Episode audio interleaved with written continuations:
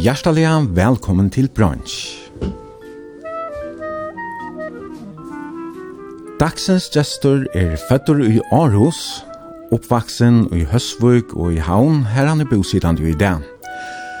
Han har lyst håndleik av det jyske musikkonservatoriet og Leislo av Nils Brock i Kjeppmannahavn. I mer enn 12 år var han leier i Færgehusen i Kjeppmannahavn, og så gjennom 2019 har han vært sjåre i Färja Symfoniorkestre og heromfram starvast tja Raunor Tritchengar Mekling. Velkommen til brunch, Hans Peter i Brekkenon. Takk for det. Og hjertelig til lukke vi uh, Føyengardenon. Juhu! Takk for det. Du fiddler nødvendig for det. Ja, det gjør jeg. Hvordan kjennes det? Det kjennes fint. Lykkes mye her, og sikkert lykkes som morgen. Ja. Jeg har omgang til ikke så høyt på i hattaslei av tølen. Og til at där bär bare mangler ett till till 50. Ja, det er fullstendig lika mycket. Ja. Ja, ja, men hur svär så er Sindra Fengar stämning, Her dagsstämning här. Här. Fint opp i morgon. Och vi kan lyckas gott avduka duka bara med till mamma då som har uh, vært svinka. Alltså hon har just as a her. decision här. Ja, alltså rabarber trifla. Ja, vi rabarber nu har ja. Ja. Att han hade kanske en sån föngalaks kaka eller. Mamma reklamerar här annars. Nu du reklamerar för mamma inne. Så jag brain har vi köpt nu Ravish. Och det tog själv. Ja, här får jag tulla upp morgon. Ja. Lekkert, lekkert. Det ser øyelig godt ut. Er du morgen, menneske? Først opp tulla eisen leger morgen. Ja, det gör jag. Som regel, alltså. Mm -hmm. Visst, visst är ju för en slant sang, så men som vanligt för allt tog ju rättliga tullig sang och tullig jobb. Ja, Okej. Vi uh, sitter här i Gundadale, i stovene hjemme tja foreldrene noen her. Ja. Her er om et alia hona litt, en sånn lytel, uh, også intim stova. Her stender et klaver, bare ikke vi syne av her. Og her er en rikva av myndun og målningun av vetsnun og massar av bokun og i reolnun. Og her ligger stendra saxofon og gulv, nesten. Her er en saxofonkasse her, ja. Eller, ja, en saxofonkasse. Jeg vet ikke om, om hun er grui her. Ja, det, vet, det vet man aldri. Det er det. ja, du uh, spiller jo saxofon og er, er eisen kjenter fra Tone toneleitsen. Hun har spalt vi en rikva av bøskon. Ja. Ja, men ja, ja. Det har vi just fyrr. Det er, det er var yngre, gjør det øyla nekve til. Ja. Nu er det inn i middelen uh, og hugg. Ja. Ja. Var det i, i samband vi arbeidet så der at, at du uh, innså på et tidspunkt at du måtte gjøre ganske djevast vi har för ut att spela i vikskiftet och yeah, vänja mig kväst nu. Jag vet, jag har, jag har alltid varit en sån som jag gör det här som jag hade stått till att göra. Det har alltid faktiskt väldigt viktigt. Eh och ta är helt välkommen här till att det helt inte var speciellt stort lite att spela tonlag med. Så gavs det bara. Så fann det på något nytt. Som är alltid spännande och stort lite. kan man verkligen komma här till? Men stum då mer alltså. Ja, jag kom här till. Jag tungt mer. Nej, okej. Okay. Det var andra ting som var mer områdande alltså. Ja. Eh ja och och spela glädjen som som Ja ja. Ja, det gör det. Och trött är jag att Du vet, altså, jeg har gjort det siden jeg var smadronker. Uh, Løyve er anna enn tonleik. Eller, løyve er anna enn spil. nei, nei, men jeg, jeg finner ikke, jeg har spekler for forskjellige øren ting, og, ja. og blei mer og mer trett hin. Nei, nei. Det er fyrir da å høre mer om, jeg ja, ja. sett ni sending, samme vi arbeider der og ja. utbygging. Men bare for jeg nevner Nekrar av bøskene som du har spalt vi, yeah. så ja, det er mest opplagt at jeg kan skal nevne Brecker Brothers, som to og bare stod en trikve, yeah. uh, den do i en tjatikkon, som jeg snakker av, hvordan var det ene fløv i, eller var det på et? Jeg vet ikke, gå tver, tver fløv. Ja, ja. ja. Og ja, hvordan er det i middelen til å trykve? Her er uh, tvei år i middelen. Ok. Og her var, tog bølgen var Magnus Hansen og Bjarste Meitel og Olar Olsen. Mm Det var liksom vidt vit fem ja. som hade tandböld. Kjem du jo fra en her uh, musikalskare familie, hadde jeg gått i tårja sida, jeg får resten av familien, og badstun eider etter abbadikere, mm -hmm. Trygve Restorff som var tromslåer, så Faro Boys, uh, Gokkene, og ja. nekken at han uh, ikoniske balken ta fra alt rushen og, og trushen. Ja, yeah. Og at klaver stendur her, saxofon, er det alltid, altså, er uppvuxen oppvaksen en heime vi, vi nekken tonleitja? Ja, ja, det, her, det er alltid blitt spalt nek her. Uh, mamma mun spalte gitar, og, och, det heter omkra fløyter, og pappa spalt klaver, orgel, og vi arva jeg trommesett fra Abba akkurat, og jeg tar bare ikke med var seks, og jeg var åtta. Og jeg begynte å spille saxofon, det var tutje, det var, så det er alltid verre. Tonleiker i Hesenheim, det er det. Mm. Brecker Brothers er uh, så ein bøsker um, tid til et orkester som er pari, jeg vet ikke, om det har kanskje vært den første bøskeren, og det har mer så danseorkester, var det ikke det? Kapitel 1. Var det? Nei, det var ikke vi sier nei, Det var akkurat teenageorkester, og det var helt ansallig stort. Gjør det er i tilfære, ikke? Ja, noe falle, okay. med annet et øyelig uh, kritisk lære mot samfunnet som vi kallar samfunnsleie. Mm Okej. Okay. Men men vi spalt in några år och så Ghost Week. Men det det var nog stort. Spalt i Höllnon och ta, vi spalt dans det gjorde. Ja. Jag minns namnet men jag bor nog uh, i Danmark då så jag. Ja. Yeah. Minns jag har hört men jag minns jag har hört Belgian Take Off och i Midlanda för husen. Ja. Yeah. Det dunkte dock du spalte till dans. Mm. Och det var kanske mer en sorts underhalsorkester. Det var det. Ja. Eh uh, har vi spalte coverlöp Men så får vi det gjøre, gjør vi det en ena fløve, og det var eisen en sån fløve som, jeg vet ikke. uh, alltså, alltså inte for att ta piss på noen någonting efter, ja. Ja. Uh, her er det ikke veldig godt, uh, altså, ta ut i fløven, jeg hadde faktisk själv, men da burde vi en annan sjanker, jag tog på. Ja, så. du synker själv? Ja, ja, lör, lör, om ikke okay. vel, altså. men altså, er det Nu vet jag hur och när du kom till den nya stön alltså den där som kom vid tojorna eller Nej, det kom det var det var bara en 18 vi tog vid inspelningen. Men hvis du lortar til lasaren og la her, så lever det knasande godt, altså. Og nå går han smanger och så. Ja, og du hever eisen givet en av solofløve ut. Ja. En av, til sånn live-utgave.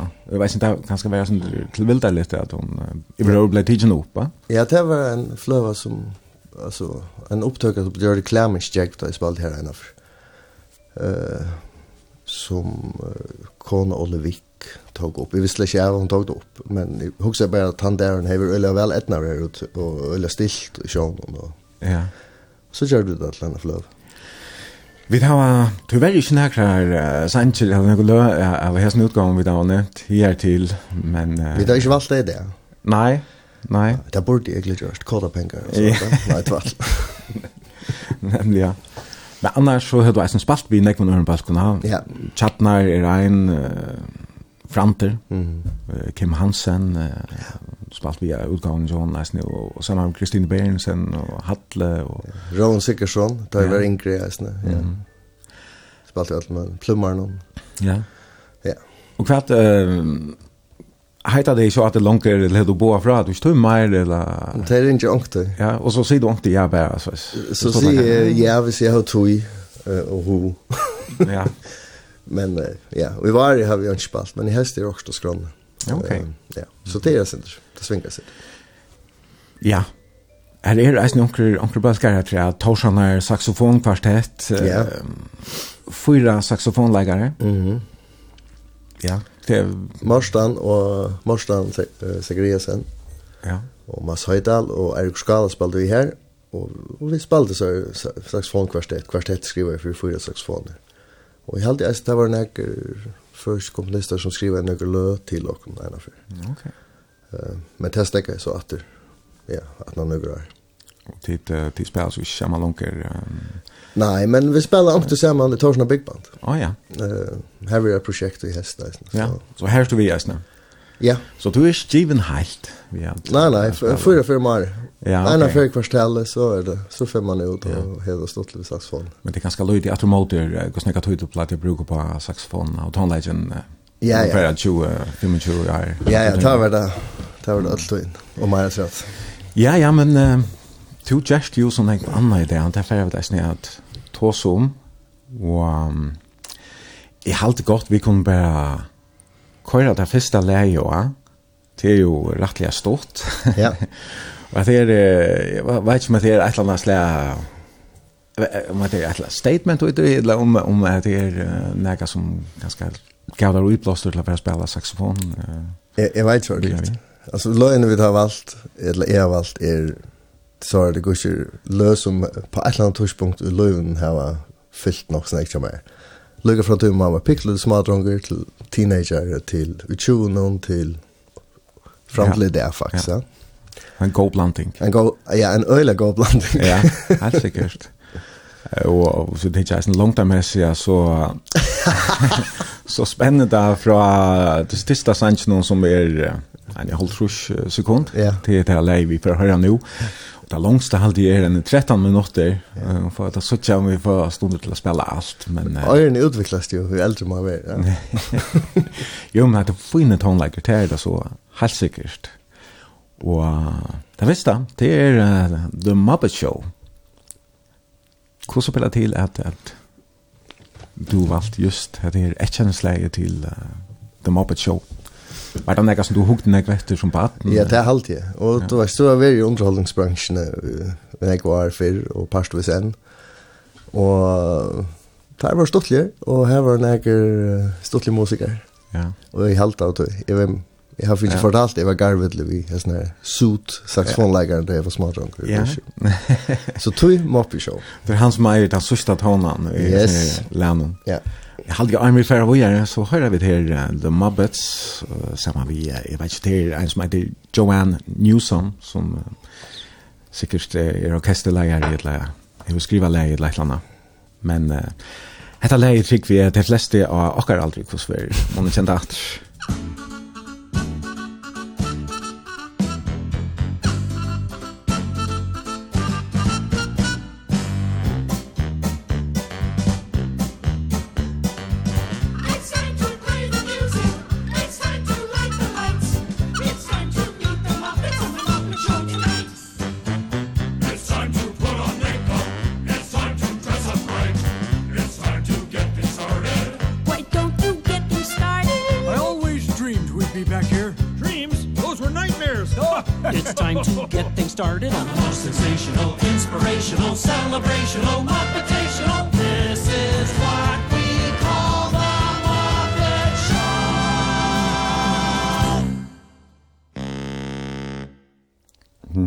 fantastiskt att höra att fantastiskt att göra en modulation av sista tonen i lämna. För en halvan ton upp är och jag var så pillfalst. Men eh uh, läckert det är så nostalgiskt. Jag känner slä som färdig och barna minne fram allt så som hon kunde också. Det er altså sendingen brunch, som i morgen vil sende beinleis ur Gundadale. Vi sitter i stoven i heima tja foreldrene, tja Hans Peter i Ubreknen. Og til som lort er velkommen at senda omkring spurning, gjerne vi mersing eller helsan av 22.00, eller enn beter, fer inn av Facebook-synet tja brunch, stavas B-R-O-N-S-J, og send omkring enn på her. Og Hans Peter, um, vi sitter her heima tja foreldrene tja der, og um, til tog at um, to eier selv en av uibo sammen vi kondene, ja. Vi i Kjeppmannhavna, ja. Av Vesterbro, og to bort her i Følgen, og konan og bøttene er i Danmark, og to ferast i middelen, ja. ikke? Jo, pura. Det er du gjørs nå i undergrå her. Ja, ikke tror jeg. Så jeg ble leier, eller stjåre, så fyrir symfoniorkestra. Og om vi lukkar på her, vi familiene og på plass, og mm -hmm. så er så kona du inn, Annika Fossa, ja. Tida har vi sammen i i undergrå her. Å ja, vi tar sammen en 20 år, eller? Vi hest halvt, ja. Ja i minns det ikke godt svar, men jo her alle. Ja, og tid hette, hette var en, en, en brittløpsdag her, vel, 12 og et halvt år, en men ikke akkurat eiter. Kåpar brittløpsdag, og i januar måned, jo. Ja? Ja. Og, um, ja, hva, møttes dit uh, nere eller var det var det følgen Arne flott nere? Nei, vi, uh, vi møttes nere i Aarhus, og jeg hever borster nok snakk var, det hei hun vi snakk eisne, og så vi kjent kjørlig hverandre. Ja så møttes vi i Aarhus. Ja, i havn, nesten. Ja. Ørhavn, mm men jeg synes Inger ned, så hun må ha vært en 14-15 år da jeg rymde av landet nå. så det var ikke, vi kjenner ikke hverandre, altså. Nei, ok. Så, eller jeg kjenner ikke ikke henne, så. Og tid har tve bød? Vi har tve bød, ja. Som er hva, 14 og 18, eller eller? Ja, Anna Sofia er 14 og Bastian er 18. Mm -hmm. Og Anna Sofia, hon er oppkallet etter mamma Tuna? Yes. Bastian er han oppkallet eller er det bare et navn som, som de kunne domte vel? Aha, det var et navn som de domte nok så vel. Men som jeg fann i dag, stod det at, at her er en annan Bastian i akkurat familie. Tog at siste baden mot som heter Ole, eh, og eier en sånn som heter Bastian, som er et år eldre enn min. Så det ble knappelig en familienavn. okay. Innenfor et år, et løsår. Ja, og de, um, de trivas vel nere bøttene Det det är ju så så det har hotat lite att färja. Nej nej, det det tror man det. Det det kommer en allt det här. Ja. Här allt går som det ska och vinner och skolar och allt det. Men ja, det är det är slacht. Och töjen Ja, och töjen är för en bort för töj som heter att tvangsflita folk går ju hästen Parsnheim så. Ja ja. Det är ju det tid. Nej, men som barn så flottar du själv det sen där. Runt Ja. Du fötter i Aarhus. Født i Aarhus, ja. Og så flott vi til Førjar. Da jeg var seks år, flott til Høskar. Mm -hmm. Her, pa pa papen er etter Høsvøk? Ja, papen er Høsvøk. Ja. Og her bor vi tre år, og så flott vi til Havnar her, og her sier oss nye. Ja. Ja, vi må lukka for en gang, gång ordan jeg som presenterer, Det er foreldrene skilt har rørt litt. Ja. Papen helger i brekken Ja. Som altså er etter ur Høsvøk, og han mm -hmm. altså får jeg Restorf. Ja. Som er etter Havn. Ehm och det var så nere och och lås och i Aarhus då. Ja. Ta två fötter. Ja, ja nämligen. Och pension nästan. Ja. Kvar tagas det vi för äldre så där. Det är pensionister men uh, det det ser man ikke ordentlig at ordentligt er dag til det alltid. Nei. Pappa min helder i grøn økker, uh, bo i någon där just nekvar. Mamma min brukar ta in i iktoshandeln her, Uh, og så Jeg vet ikke om hun er første kvinnelige klokkar i fyrju, men hun er ikke klokkar i Havna Kyrk. Det har vi flenta sindra etter gusje. Kanskje hun er den første kvinnelige klokkaren. Ja. Så hun brukar eisne sin tog i kyrkene, ja. Ok. Og så synger hun med kår, og ja. ja. Pap må fast, uh, jeg finner ikke nekk vi seg, og jeg halte han skal nå det, at hos oss sindra om seg. Ja. Jeg halte, jeg halte med, så kjenner jeg omkrar, her var stånkar litt, det, grå køtten og jeg kan lille køtten. Ja, ja, tidlig kvalt. Ja? Ja. Og det er nekkar som han har vært i veit, eller er det til som har vært ute? Nei, heter det videre i havn, tar chapter. Men pappen, han virker annars som en sånn type som er fast vi allt möjligt sort. Jeg vet, så han finns ju för seg, og så er han skått i her og tid, Ja, Ja, okej. Ikke fokl, og och gäng inte grind och allt sånt, men hinner bare det inte. Ja. Hur ser minnes du några från Batna Arnon i Aros?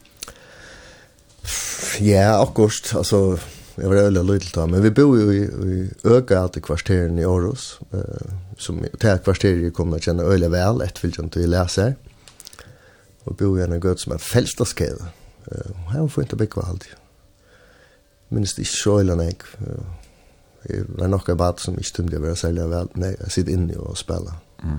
Skulle ut og råkast, og her var en søve om at ta pedagogarna hade korsdagen in lägerrum en dag och vi släckte tömte så hade vi så hade vi kul att lägga ut ut av vägen alltså ut genom vinduet så bara Men ja, jag vet inte, det var en god tog, men jag var öjla lite, alltså, ja. jag halte vi tøtta för inte. Du och Batstun, eller hva, som var lagt då? Nej, det var en, en, en torske som är Jimmy, som er en en god viner som är i Badnagar. Okej, så du tjekk Badnagar her i Aarhus? Ja.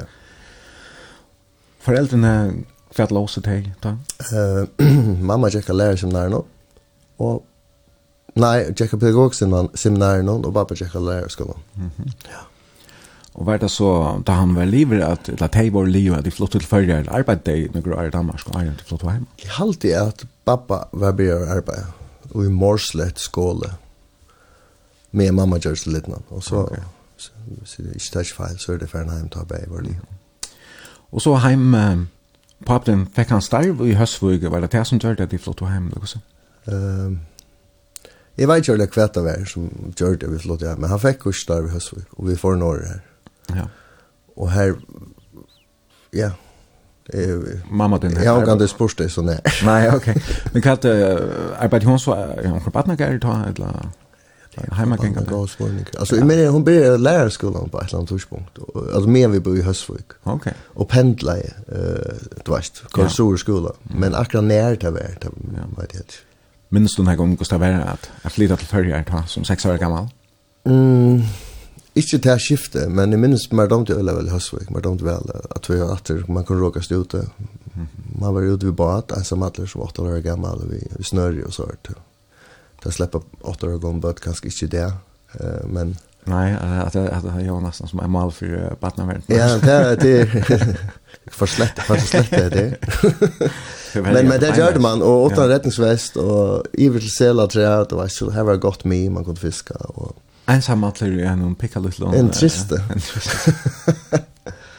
Eh och så gjorde det var så det var ting vid det fjäll och så gjorde vi det velt eplavelter og mm. det her var fiska i fiska i øylen ek va. Ja. Hey, ich will flott til havnar så jeg sikker vi sjå meg over det. Okay. Ja, det er bench for. var det a sjå når du fiskar eller eisen kanskje om det her? Bæ, bæ, bæ. Alla tøyna. Det her vi er ferdig ut ensam ensamhetlig vi, vi bat her alene her i Øyla, streimharst da? Ikke akkurat her, skal sindre langt norr, men, men her, her kan vi komme sindre vinter, kurs. Ja. Ja, det är alltså jag också bara hvis du ändar ut i år du du rå i rum till sen att ja. ja. Var det omkring att att du kommer till fyra? Jo, ända för. Ja, det men tar vi när vi är inne och hej fiskar här. Och och vi är hemma så kom vinter och det är kanske inte värre som jag, men som 8 år gammal följdes det öligen jag. Och här är började jag i Vastöj med Klara hem. Det var inte, och så var det bara att jag sett det? Ja. Eh och det var tungt och mot vinter men jag kom jag kom hem alltså bara till så det var fint. Du rå alla min hemmaster. Ja. Så det det är min det är något du minns du kvar så det var Ja, ja. Vi en. Ja. En kanske en center Ja, en en upplevelse som kanske affekterat Lansa center bättre efter också det center mer om att annat här. Ja, det vet jag. Det. Nej, nej. Och så började jag spela, så började jag sparka fotboll några år. Där började jag faktiskt ens i Hösvik. Då dömde man öle väl ens.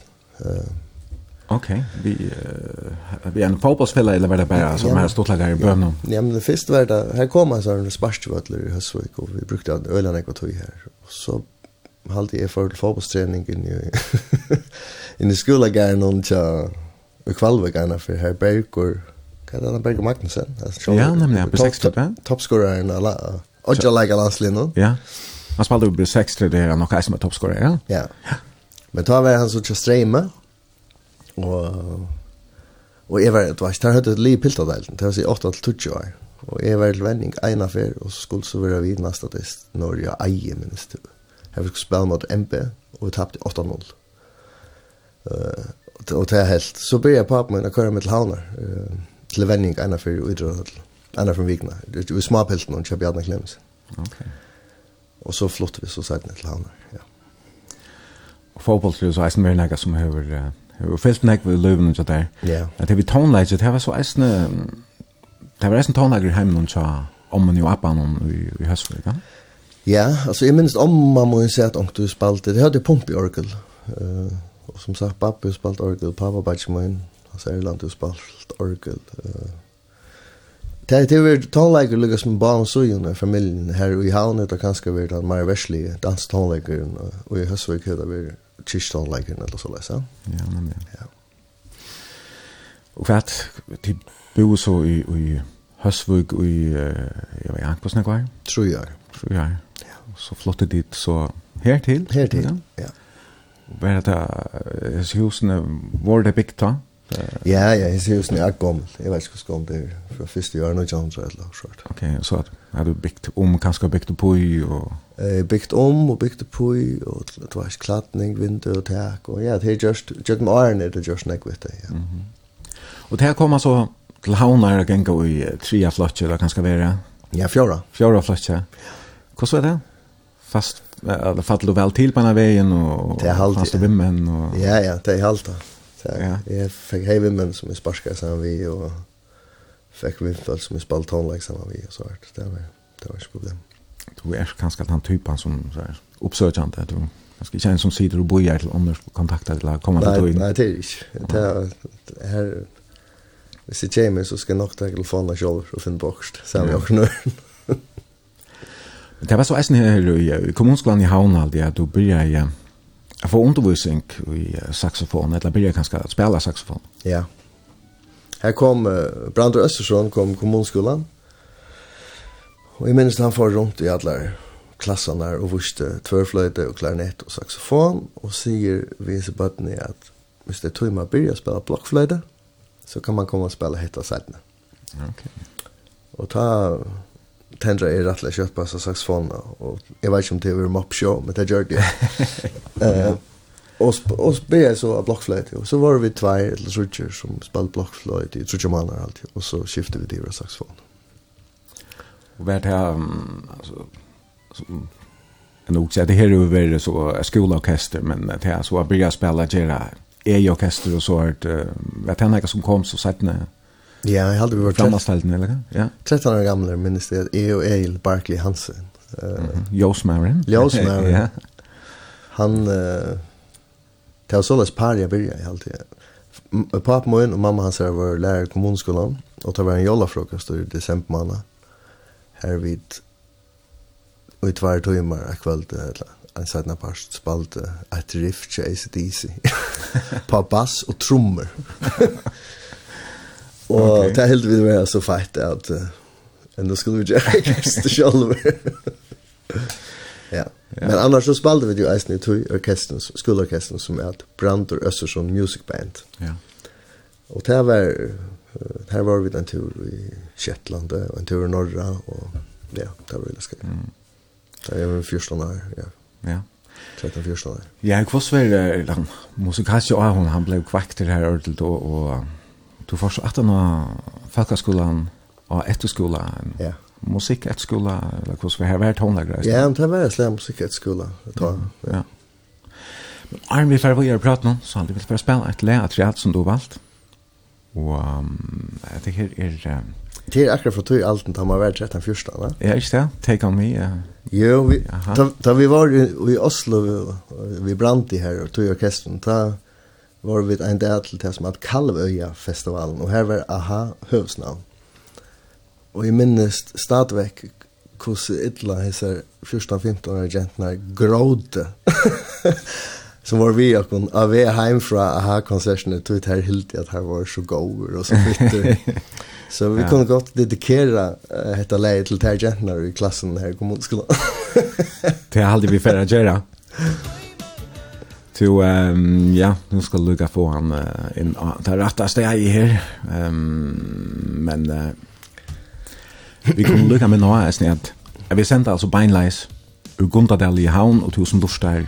Velkommen å sende denne helsan, en spurning eller omkring vimmersing av 2400 eller av Facebook-synet i Brunch, det var B-R-O-N-S-J.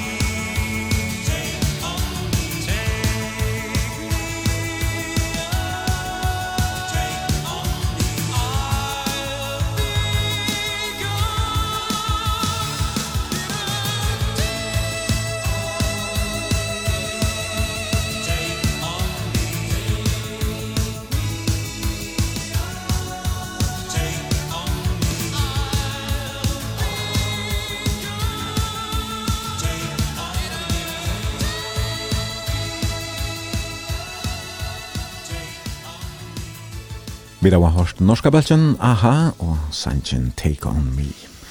Det er Hans Peter Brecknon, som er gestor i brunch i morgen, som vel tonleggen.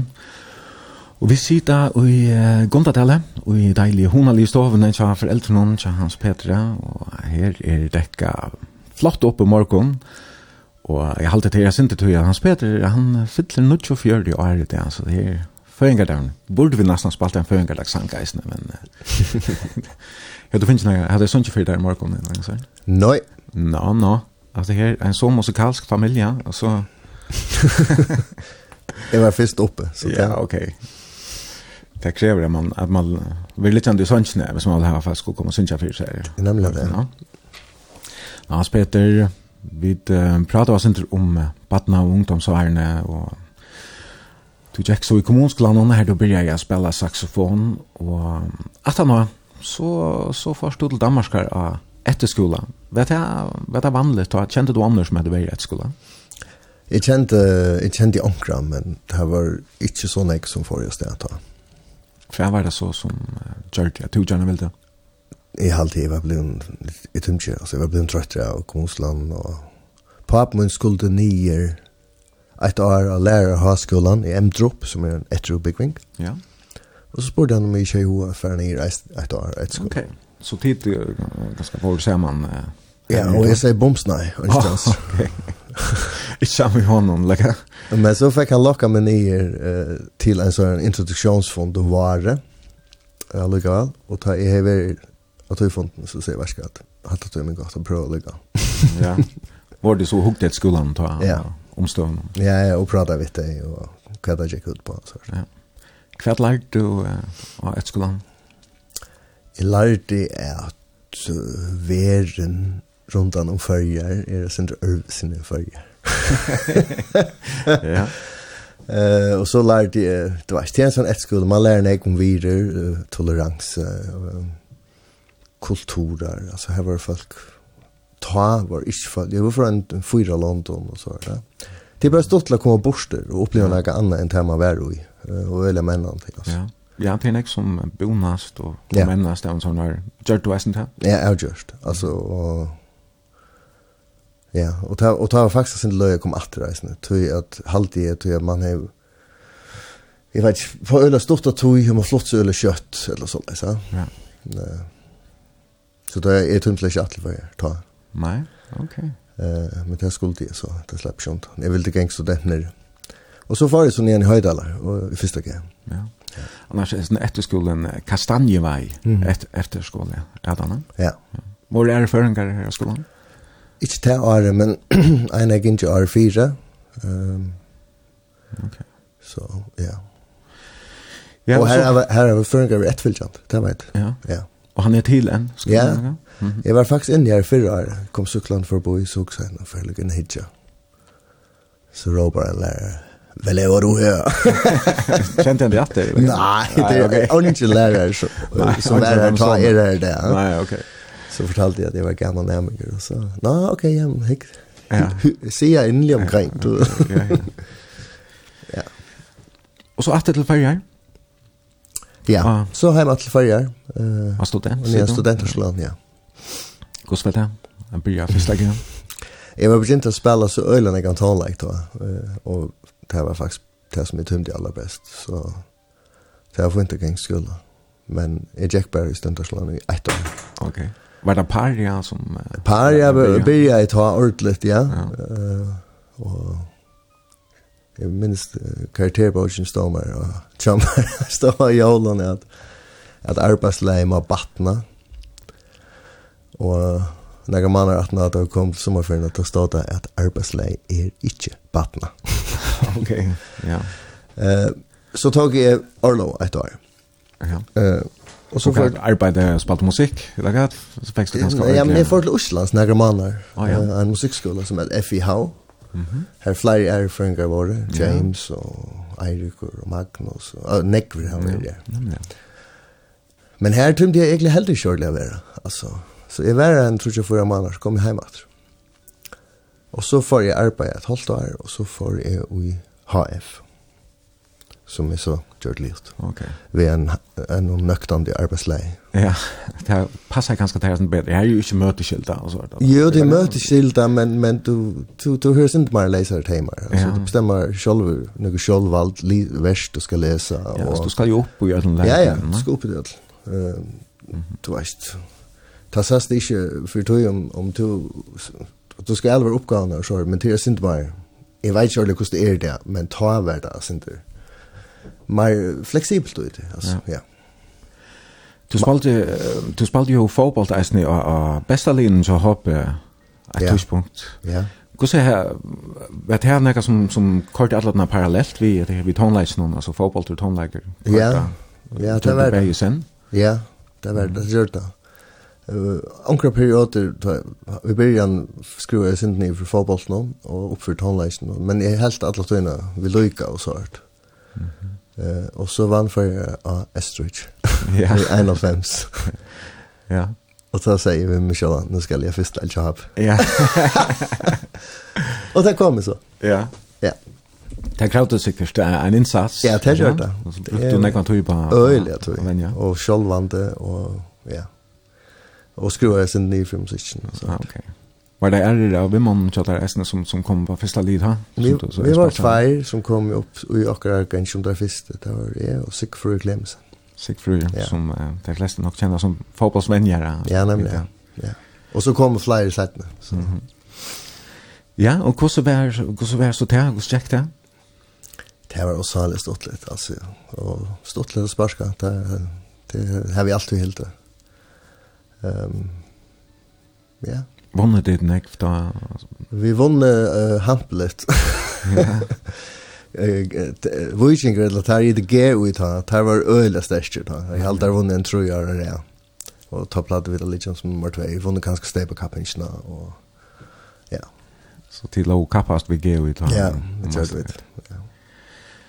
Det krever jo øyla nek, nek var orske, nek var tøy at vera besta linon. Ja Joe Hopper och och Aaron Leon vi. Hur så länge klarar du liksom att hålla halta det här kvarande? Ja, men det klarar jag öle väl att hålla kvarande till att man dömt så väl. Och så lägger du bara tonläsna hitlarna när när tog ju. Nej, jag spelade jag inte men Kunde du spela till dansläger kväll till dans och så fotbollstest. Alltså det gjorde det. Ja. Eh, jag var bara ett drack dansvatten. Vi ser hur det spalte och du fick onka avtala för vänner någon. Nej, nej. Eh och och för direkt hem sånt över livet så. Ja jeg vet ikke om uh, man er sikkert finner jeg vet det at du skulle være sjonka sin til fyra men mm. uh, men jeg tog det øyla seriøst, det gjør det. Vi kvar så har man uh, faktiskt säga att att att det ringte här två ting som det gänger öle högt upp i alltså fotboll och tonläge du vill kanske vara bäst uh, innan bäje. Mm. Mm. Fältet de kan det liksom blev i helt. Uh, är det slett kjent ut han först må se det. Tror jeg at... uh, Så jeg har selv helt så leis før da jeg var yngre at hvis du skal bli, så nøys du kassa til 100% i right thing. Og selv om hvis du vil bli aller best i verene, så skal du nok gjøre det. Men lukka vi ikke om du gjør det, hva er så chanser for du blir aller best i verden. Han er minimal.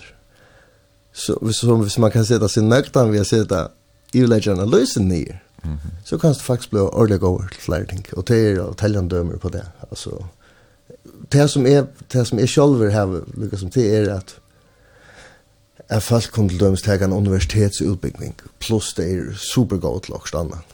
Eh det här är inte upp för mig det det så touch 15 år när att det snur som struktur och arbetslä och och det var arbetsamma.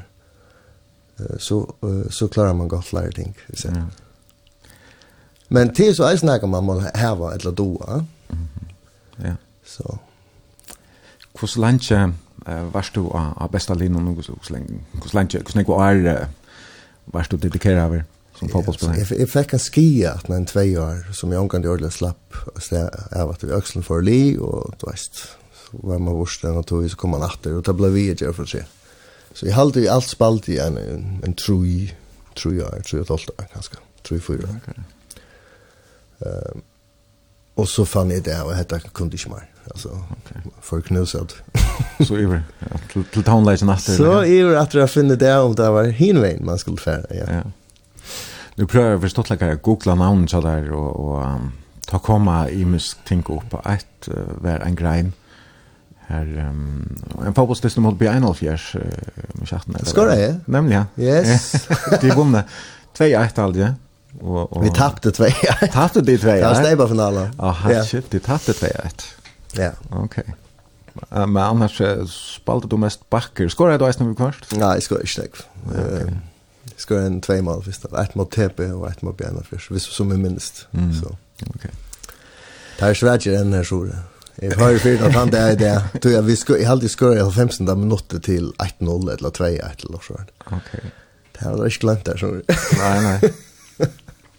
Ja, det var ju det går i arne cha cha bi an allt här. Ja ja, det var det. Så du först nu nu ju först blev det ju för. Ja, och först i Hemsen ja. Men ja, då där spalt det bästa allt. Ja. Men du får så eh mer mer ivrater till till tonlighten och ja. Du har valt att lära vi Art Pepper. Ja. Som är synte jazz så vad det var det jazz tonlager som Ja. Nei, den Aho ta. Ja, det var det. Och det var börja ett skolan faktiskt. Um, Så Art Pepper var Jeg minnes det fikk noen tøyme fra Holger Laumann, og han pleide at kopiera noen bond til meg. og spalt iver fra LP-on, iver fra platspallar, og lurste etter. Da minnes det Art Pepper var en av dem, som jeg, han pleide å gjøre meg, og som jeg søgjan har damt øyelig av. Ja.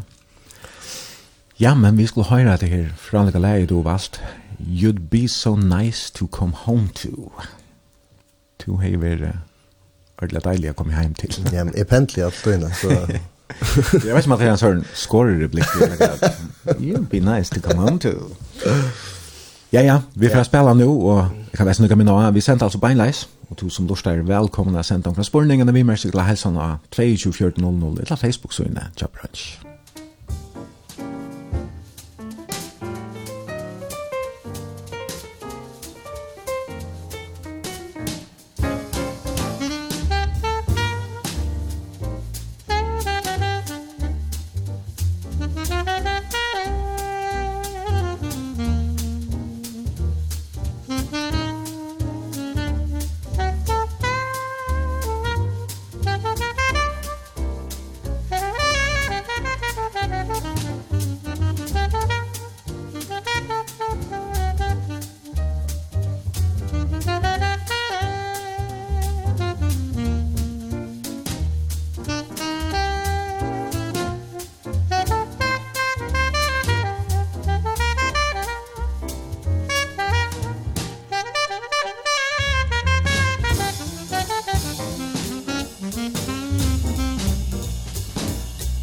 Thank you.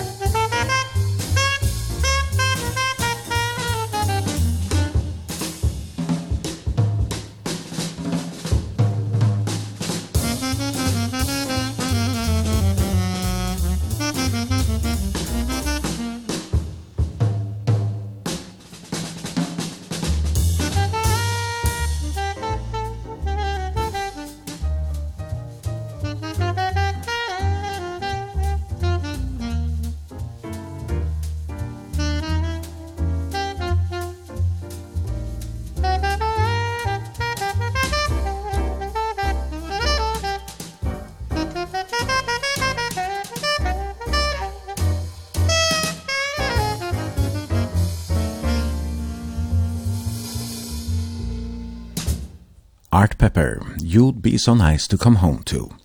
Det er Hans Peter Ubreknon som er gestor i brunch i morgon og som velger tonleggen.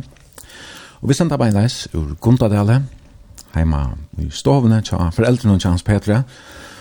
Og vi uh, ja, sender som sagt beinleis. Og her kommer uh, flere uh, vimersinger, helsaner og annet godt og Facebook-søgene tja brunch, og SMS-kjøpene. Vi får en datter der man løter med halvdikken endelig fremme at vi at uh, skriva. Men Armi kom her til, så husker vi skulle fære Løsen er vi snir, tonelisen og tjata her, som, eh, som har fyllt nek i Løven og tjata her. Reisen gjør det det, på en annan måte kanskje enn det vi gjørs før. Men to først så eisen av Haskola, tonelike og Haskola. Ja. Som, ja, ja, hvor skal man vært da? Jeg hadde vært enjo. At han har HF, eller? Ja, at han har HF. Mm -hmm. Tonelike Haskola, det är ofta ett tecken med att man man uh, atlas säger att göra något allvarligt vet du. Ja, if if har skulle för jag finner det om skulle göra något allvarligt vet du. Eh. Och där fanns så där. Ja. Det var det. Så att du skulle. Ja. Mhm. Mm Jag syns det här vi finner det kvar man något som flyter alltså mm. kommer du för här kanske inte det är Sjonek som spelar saxofon och tunn allt. Nej nej, det är det kom han til Danmark her, og hva, hva så här Alltså jag kan svär ja. Det har å av högskolan men jeg ble sin skuffar i nivåen noen av skolan ta minst det. Her var nok snack for föringar at i aldersbølsen, Eller till Argensen og tar. Mhm. uh, nekker vi känna. Ja, bara mig være her, Brand Jakobsen som slår Bjärstmajt eller John Estrøtne og hva det er han, og sorry, jeg minns ikke at han. Men det her er nekker av dem som du så kom til å spille sammen med Eisen i Nekva her fremme. Ja, ja. Uh, Og så hei jeg gikk ikke et skole for noen faen er en undan, altså, og så fer ene fra tredje inn i et sånt miljø. Jeg, jeg helt ikke det var så spennende, og jeg prøvde det for. Man var bare blitt nesten eldre, ja. Men hva er første sånn? Fyra får Uh, Nej, jeg minnes da Badgeman har meldt oss till här. Och så ville jeg brant och söka in av den rytmiske högskolan i Vik. Mm -hmm. Och kvui får jag, för jag finner det om man skulle kanskje regne å komma inn i musikkonsertoriet. Ja. Men vi slupp ikke inn der, han var fulltecknad. Och så får vi det till Holstebro. Okay. Här slog vi det inn. Uh, ja. Och her var en det är framligen danskare som helt der var världsbäst. Och det var det bara släck.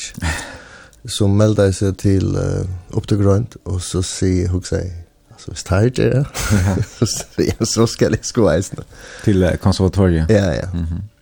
och det gick ordentlig vel. uh, her kom Angela Adam, hur vi är och jag kom vi är jag alle alla her, og dumpa i musikkteori, og det visste jag förut att det ikke. Og så fikk man uh, en samrøve, og var bin om å affärer for seg sin undervisning tøy, tøy, så vi er, og så bin om å søke 18 neste år og så kom jeg inn. Ja. Ja.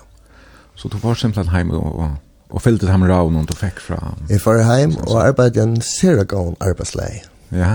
en betydelig batna en arbeidsleie. ja. Og så kom, kom du så inn og er etter, som du sier. Ja. Var det er erfaringer resten som, som Jink er Samson som du? Altså, det var i Aarhus, ja? Ja. Du rytmiska parsten hon. Ja, Andras Olsen og Olar Olsen. Å Oh, ja. Jink er klassiska, jeg minnes ikke om det kom inn beint 18 av med. Og Maria Godsen, Jack Fax av min egen og sang, ah, som sanger innta. Ja. Um, ja. Ola var du to, er jo god vinn, men kjentes ditt åren, neisne? Lagt ditt annan man kjenne her? Uh, vi kjentes ditt åren, men, men til nok i åros togene, at vi der blev vi ordentlig tatter og begynte å spille sammen og sånt. Ja. ja. Og nekker at hun noen uh, beste vimmer noen enn tante er jo det, stava fra, fra tøytøyene. Ja, ja, det gjør det. Eisen er det orkester som er take-off. Her har det vært hver danskere vi. Han ene at han bor i Thailand i dag. Her vi samband vi har vi gjør med i sørste måned, og ja, det er nok stort til det. Og vi der vil vi gjør det, helt svart. Ja. ja. Thomas Oliver av Musikkonservatoriet. Ja. Så får man antingen ut at være tonläggare, fotlatoj, eller så ender man ofta som lärare. Ja, så gjør man det som, som vi tar seg om i Jani, at så kan man sette seg reven och boja etter å falle ringe til line. Det gjør det ikke.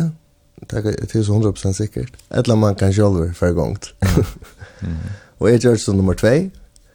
Uh, jeg fikk uh, starv og en etterskole som er mellom og frie efterskole, som er en musikketterskole. Og her var jeg i tro år. Og undervist i teori har jeg lært big band, sammenspill, uh, hej rytmisk kor ett semester och och man ingänger i ett skola löve vi weekendvakton och så vidare ja.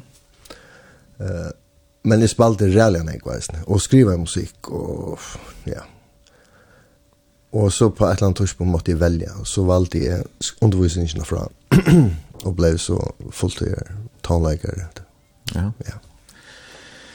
Er det jo Alltså jag et uh, spennende løyve her til Lukas, som du fyllde drømmen om. Så att det vet han gå till det då också rätt rätt. Jag vet jag har inte haft en dröm men jag vill bara jag tänker med damer eller väl. Ja. Jag jag har inte drömmar det alls. Nej, okej, men men kurs för så att ehm skulle leva av tonläge och Vær fyrir det fleste bär en dreamer till att det var det var ganske snäck som som körde det väl lägga då. Nei, nei, jeg vet inte. Ta i tøyne. Nej. Var det kanskje helt se som en, en sånn ordentlig, at, en som en trygg utbygging uh, er på seg. Nei, så er det hva er en trygg utbygging? Ja, ja, ja. Folk utan utbygging klarer seg snø, eller hva? Det er du verst. Jo, jo. Det kan godt genka helt galt, lønne selv om man er en god utbygging. Ja, kjørt, ja, kjørt.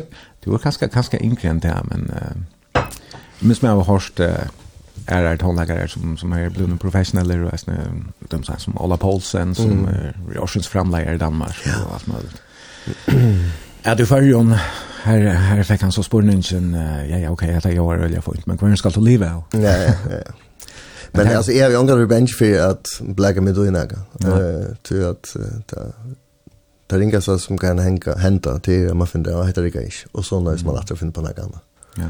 Eh så att Takk av det, takk eit. Hvis man rör ting, ja, så gjør det ordentligt, och så tar man det som det kommer. Ja.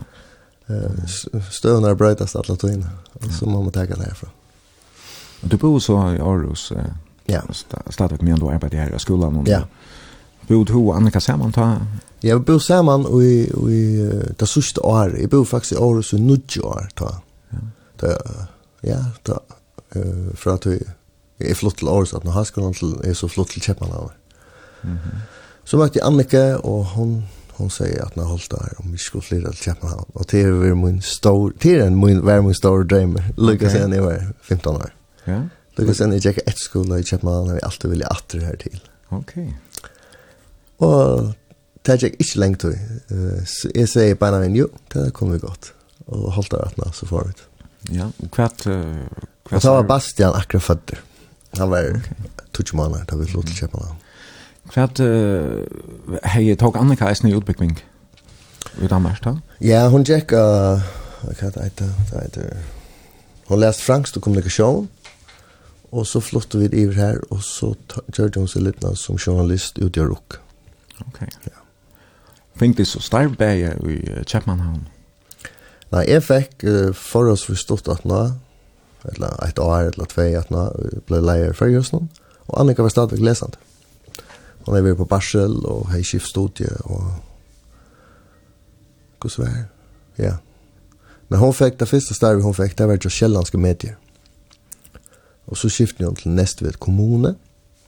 Så hun er pendla i, i noen år okay. fra Kjeppmannhavn. Og nå arbeider hun så, som uh, kommunikasjonsrådgiver inn til Edmund Johansen og folk Folketinget. Okay. Inne i Kjeppmannhavn. Ja. ja. Ja, du fikk et rettelig spennende og forskende forskningslarv som leier i Færgehusen. Mm -hmm. um, er nesten akkurat flotter til Kjeppmannhavn her. Var dette et starv som du, uh, var, det, var det brottelig, altså knapplig at, at, at du fikk hoa søtje, eller var det noe du har hukse om, i en tog? At, det var nekka, det, det var nekka i hoksa om. Ja. Jeg minnes, det var man var i Kjeppmannhavn spalte, eller så, det pladde jeg alltid for inn og får man kaffe med brev rutt och pils eller så där. Hals på marsten. Hals på marsten, ja. Som värst jag det? Ja. Og jeg også att ta i flott i över så også att ta det är for vet. Ja. Et godt arbeid jeg har haft. Ja. Till her, her, her, ja du fast fast vi alt allt Her er jo eisen isen med Her er alt allt möjligt och här är det er jo felene, det er først felene du skal samstarves vi og her er lista framsynningar och dövrar och varsler og du vet, events av ödlor möjliga slag. Ja. Så. Domtar väl uh, till starven? Öjla väl, ja. Du varst där nu, ja. Mer än tolv år, tolv år, ett halvt år, lagt tror Ja. Men välvidande, alltså, i halvtida marschen var en trusch, eller två trusch, där jag avlöste han. En trusch, ganska. Och jag var 33, och jag visste gott, jag Alltså jag kommer inte, jag ska, jag kan gott, jag vill gärna vara här några år, men det blir inte forever till 100% säkert. Nej. Så det visste jag från början, ja. och jag visste i eisen att rättliga tulliga att jag måste i skola atter på ett eller annat tushpunkt. Så jag ville heller inte atter till här som jag kom från. Så den dagen jag måste skulle färre för just nu, som så, det tog tagit elva tals där, så måste jag göra ett eller annat för att uh, göra mig klararna Mhm. Mm. Ja. Men det tog jag snögra här när fan det vad det skulle vara alltså. Ja. Ja. Men ehm um, Talbot Hosto allt här i Osna till runt i. Ja, ja. Garanterar hänt nej för var det nej var brötingar för just nu. Ta ju här. Gör det tunaka som Ja, det är alltid att jag har faktiskt gjort, jag har faktiskt gjort ölen negva brötingar, men ta du hever vi frivillighet at gjøre og mennesker og så, så, så og som legger så hjärta blå i det, så skal man nok ikke gjøre brødinger alt for kjøtt. Så det er til stille rolle til man lykkes som brøyt allan kulturen i husen, hvordan man arbeider sammen, og, og tidlig er lyd bett i sen. Sånn er ikke at jeg er veldig tutsi så kommer jeg inn og sier, men her er ikke hent tutsi år. så sier jeg, ok. så har vi godt nok gjort det godt arbeid. Det er ikke lagt mest til det. Jeg mener så, mm. hvis man sier at brøytinger forstyrrer og gjør for tre og folk blir irriteret, ja. Mm -hmm. Eh, det er faktisk, det er faktisk ordentlig glad for at han personer seg. Ja. Og så sier han at vi nevnte for meg, han tenker fullkomne feil. Men det kan du imenta at det har vært eller några brötingar äsn utan för för huset altså hendan tøyen vi har sån brötingar toj där tog bilja eh Ja, det är typ ganska ta vær, kanskje närvar på alla gal stäcka. Det var stäcka, ja. Det var stäcka. Man får løse några rätt så var för jo så var samlingspunkt för förringar. Ja. Man har ju ikke så gott samband så i mitten ta i tog som man har det vi sociala medierna. Ja, just det. Wow. Och det var det här rasen som sendte är snö kvar sån kväll halt det var. Ja. En radiostø, Mm. i var ju sån. Jag ska jag kan ta närvar. Närvar, ja. Mhm. Men det är det her vi att det som är brøtt, det var att Alltså ett internet i kom ta en affär och och då är för för öll ta det hänt i också. Ja. Alla aldersbalkar reisen och bara det var också så för öll. Här är malbalkarna nägmar uppdelade det där. Alltså ja. de unge har så inne och de äldre har så inne och som ting är det inte blandat till men till nägmar är skilt och till nägmar um, Det händer eisen en rikve av førskom ting om ærestand kjeppmann av, så man sitter ikke pura ensamadler og, og kan styr atlan. Alltså här är hög kappen kallt det. Ja. Bara till norra Atlantbridgen kom. Eh det skip ice för tilting som har förskan relevans och så där. Eh och är stan att till döms att förster och det har alltid bara gott men förster musiker och sångläkare är är blund så donalier och kommer in så uppe så högt nivå då vet att det kommer för att danska konsertsällare spela. Ja. För att det har spalt förr just för tredje år sedan. Mm Så här är ting som är bra och är bara det bättre alltid. Ja. Men den här mentanen vi att uh, föringar allt bara halta sig till föringar uh, hon är ganska harvna sunt alltså föringar ganska blum. Bättre integrera er också egna. Jag vet ju det. Spyr det unga öre som kollegor. Det blir bäst att det. Halta sig här. Ja, jag minns bara Gustav här. För när kom när så jag tar själv bo här. Han ut skulle vid 25 år efter tog in eller så. Det er vær oljan ekte. Føringar hilse til føringar og alt så får man Färjus ta var gimli ja. Ja, men man fer her, eller var det skarv, ja. ja.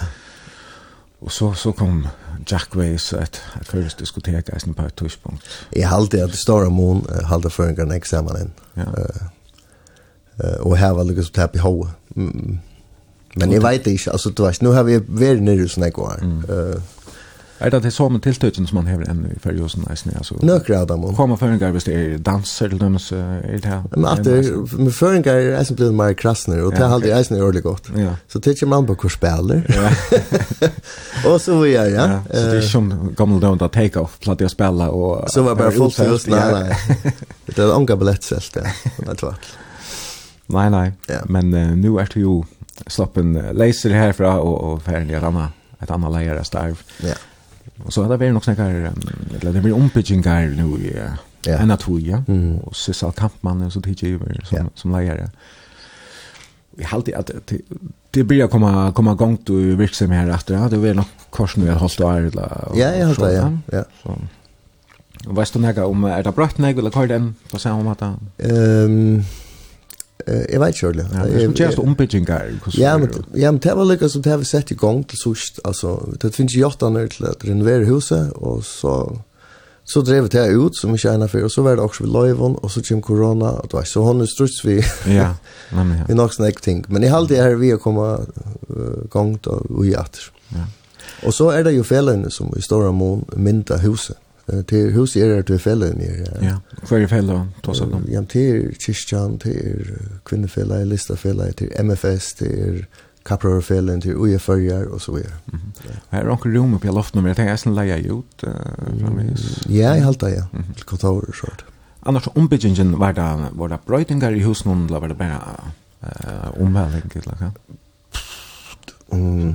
I Kökeren, kökeren blev flottor till dem. Ah, ja. um, men annars blev allt skratt upp in med det och ja.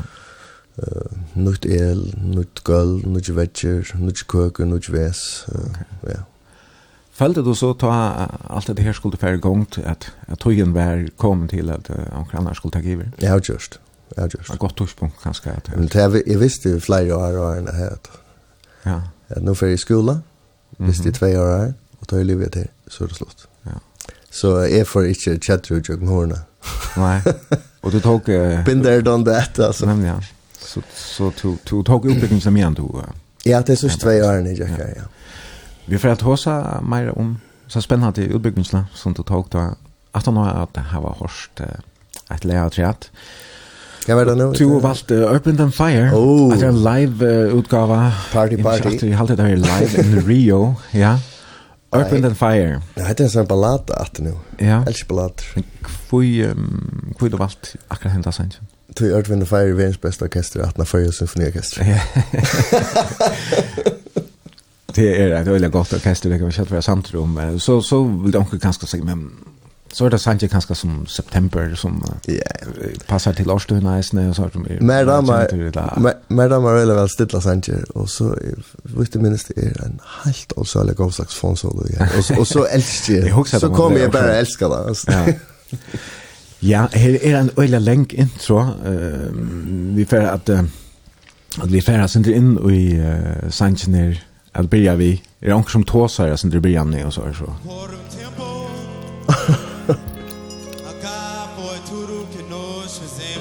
Jeg vet ikke hva det er, men jeg halte det er, at det er et eller annet live i Rio, så jeg halte vi hoppa løs noe fram til at tonelageren byrjar. Her er live. Sådan. Love is all We could do We were young and we knew in our eyes or alive deep inside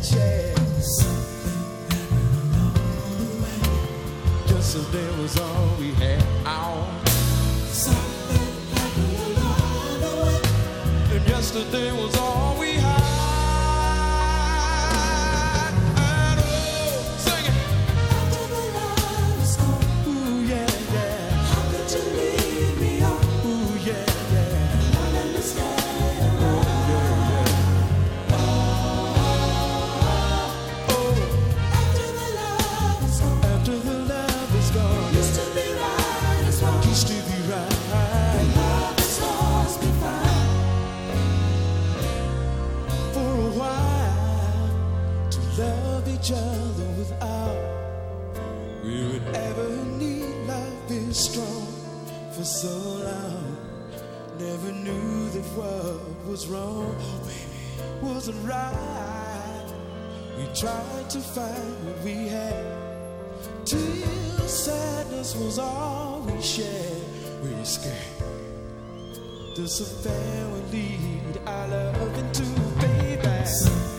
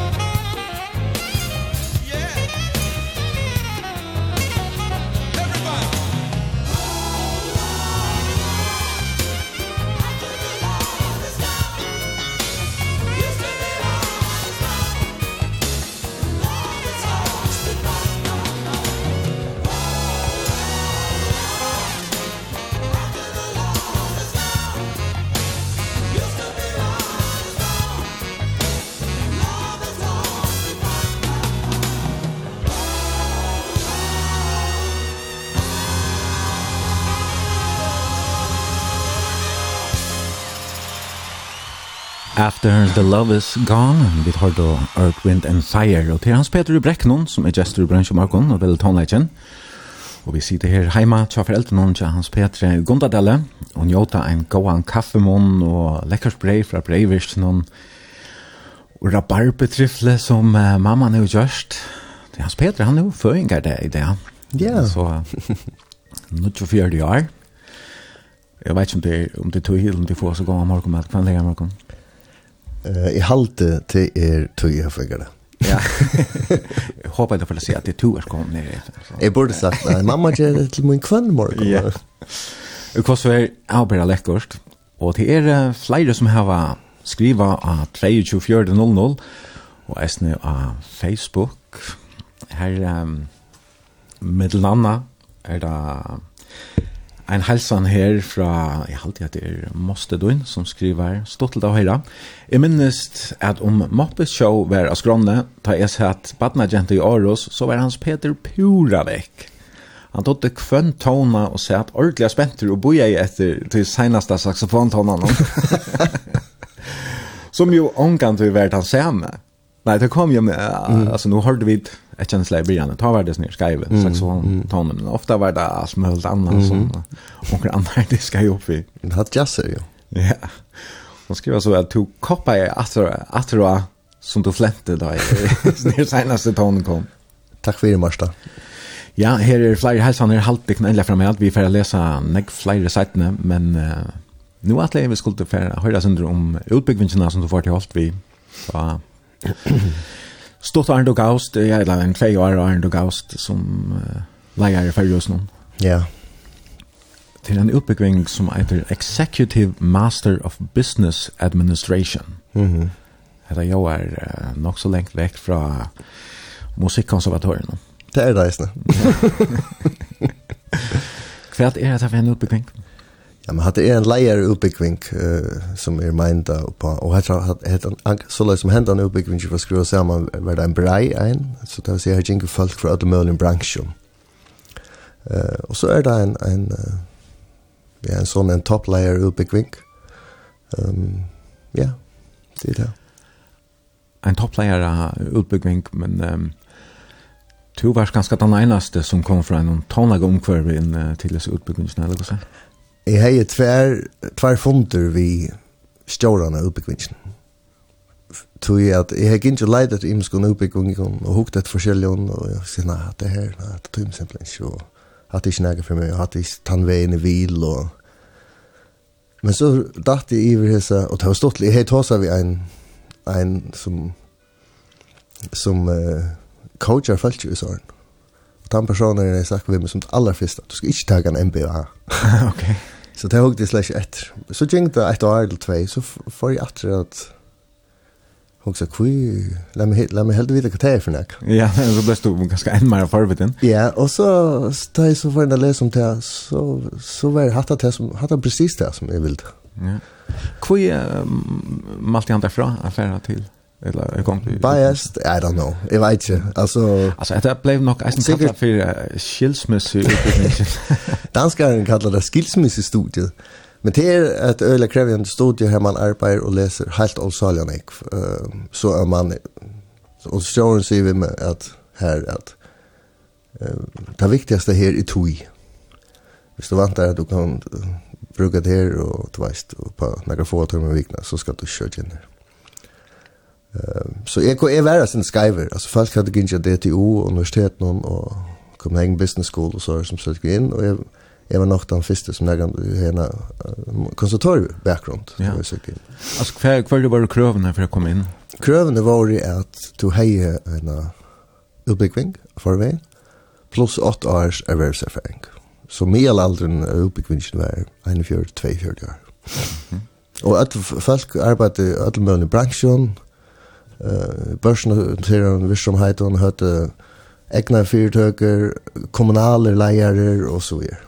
Og hade alt så ett starve søgne av veisene? Alt arbeidet fotlet tog, men det gjør det der, ja. Ok. Og skolen, han var så tverdier om vikene? Ja, han var uh, frugget der fra 1 til 6, og lærer der fra 0 til 4. Og så øyne jeg var lese og skuffelt av balkarbeid i middelen.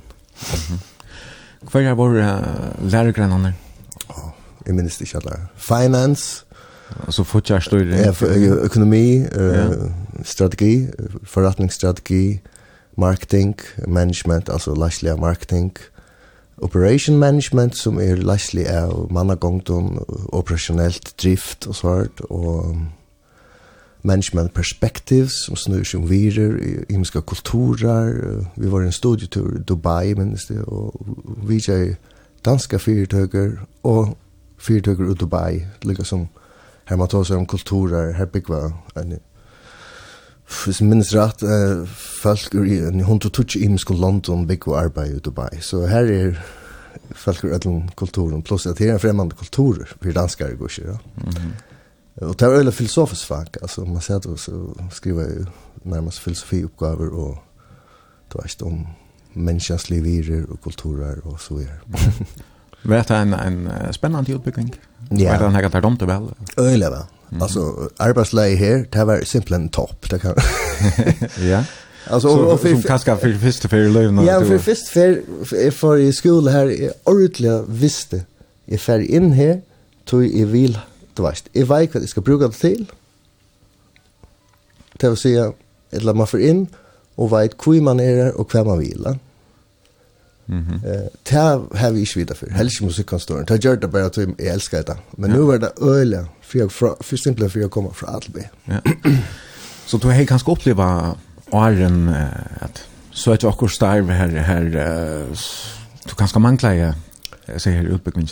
Eh möjliga. Alltså jag sökte också där men men var vi är och latter mot folk som hade papirer.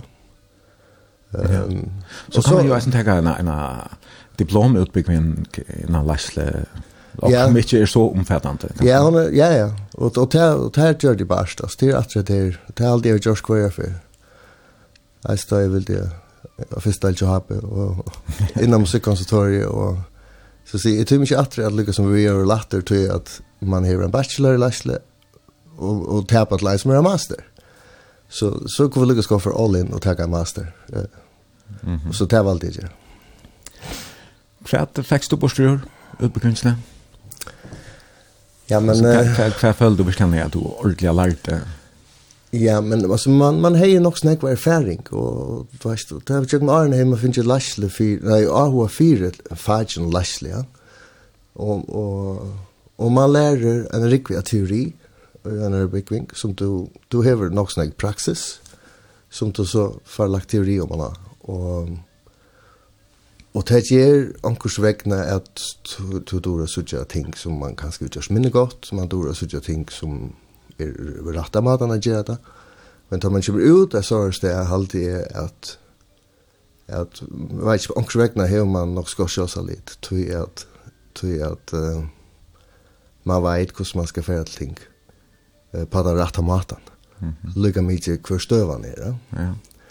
Uh, så ångst vegna, ja, jeg vet ikke, det er sin, du, du, du finner ikke noe verktøy som, som du kan bruka og Men så det är inte är statiskt alltså det er man har alla tina ha fornemmelse vi og du kan ikke arbeide teori og, men det er godt å ha ha ha vissa resten ja. ja. Som vi har en, en personlighet som uh, gjør at det nästan bara är fött lärare mm -hmm. men om det kanskje ikke er det hvordan vi vet henne at det er en fin undervisning god, altså eller några rönter det tog av personlighetstests eller några liknande ja. Ja, alltså du vet, jag knappt. Det jämn det du vet, inte är perfekt och och vi, vi tog flera tests. Och och det gick ju ut på att fortälja om hur en går eller vad det är. Men det det snur så ölen like självreflektion. Eh man plear att se att alla alla bästa lejarna eller stjärnorna är det här som som då självreflekterar. Mm Och det snur sig om att lyckas som man häver, man är vajker som man stand, och stärker som man stannar. Och det man ska, kan bruka dessa testnar det är att vara bevisst om sig själva. Och vara bevisst för stövon här man kanske ska skruva upp för ankron eller nio för ankron. Eh, skruva upp för dominansen skruva ner och så vidare. Allt ja. annat på hver man nu är. Ja, ja. Och, och bruka det helt bevisst. Och sin arbete. Ja. Og du uh, brukte så kan jeg si, utblickvinsterna til, uh, til å få til, til starve du har det Uh, ja, det var går altså, jeg fikk ikke det starve. Ja. ja, men at, att at att gjør det jo, ja. Fint altså, og, og så, Executive Master of Business Administration. Ja, ja, det er låter fint. En en topp uh, leier i utbyggning. Er det nekva færingar som har utbyggning? Det er nøkker, ja, det er det. Så det er ikke er den Nei, omskylda, jeg vært han eneste som var utbyggende av konstoren av saxofon. det er ikke langer. Men uh, det her hendet det utbyggende er det flere som har Hvis du hikker rundt i vindløyden og her og sted. Ja. Er... Og, og så lykker jeg litt, ja. så får jeg eisen i skolen til godt kunne huske meg, som du sier, til så real lengt fra hinner verden. Så jeg kunne godt huske meg, er nek jeg aldri har prøvd prøver. Ja. Men, så, Ja, jeg kan nesten jo umynda meg innan uh, tonelaga vinnene er det kanskje mangel på folk vi uh, liknande utbyggingen. Outjust. Mm -hmm. Så outjust, altså, og det vi hukse om en ekvar, og nå tar man over jøkken da så er det så hukse bare. Altså, his tingsen man kan lære sånn ekko kvarnøren. Ja. Hvis man hever, altså, ikke vitan om bæg tingsen, ja. Det er ikke nye om det.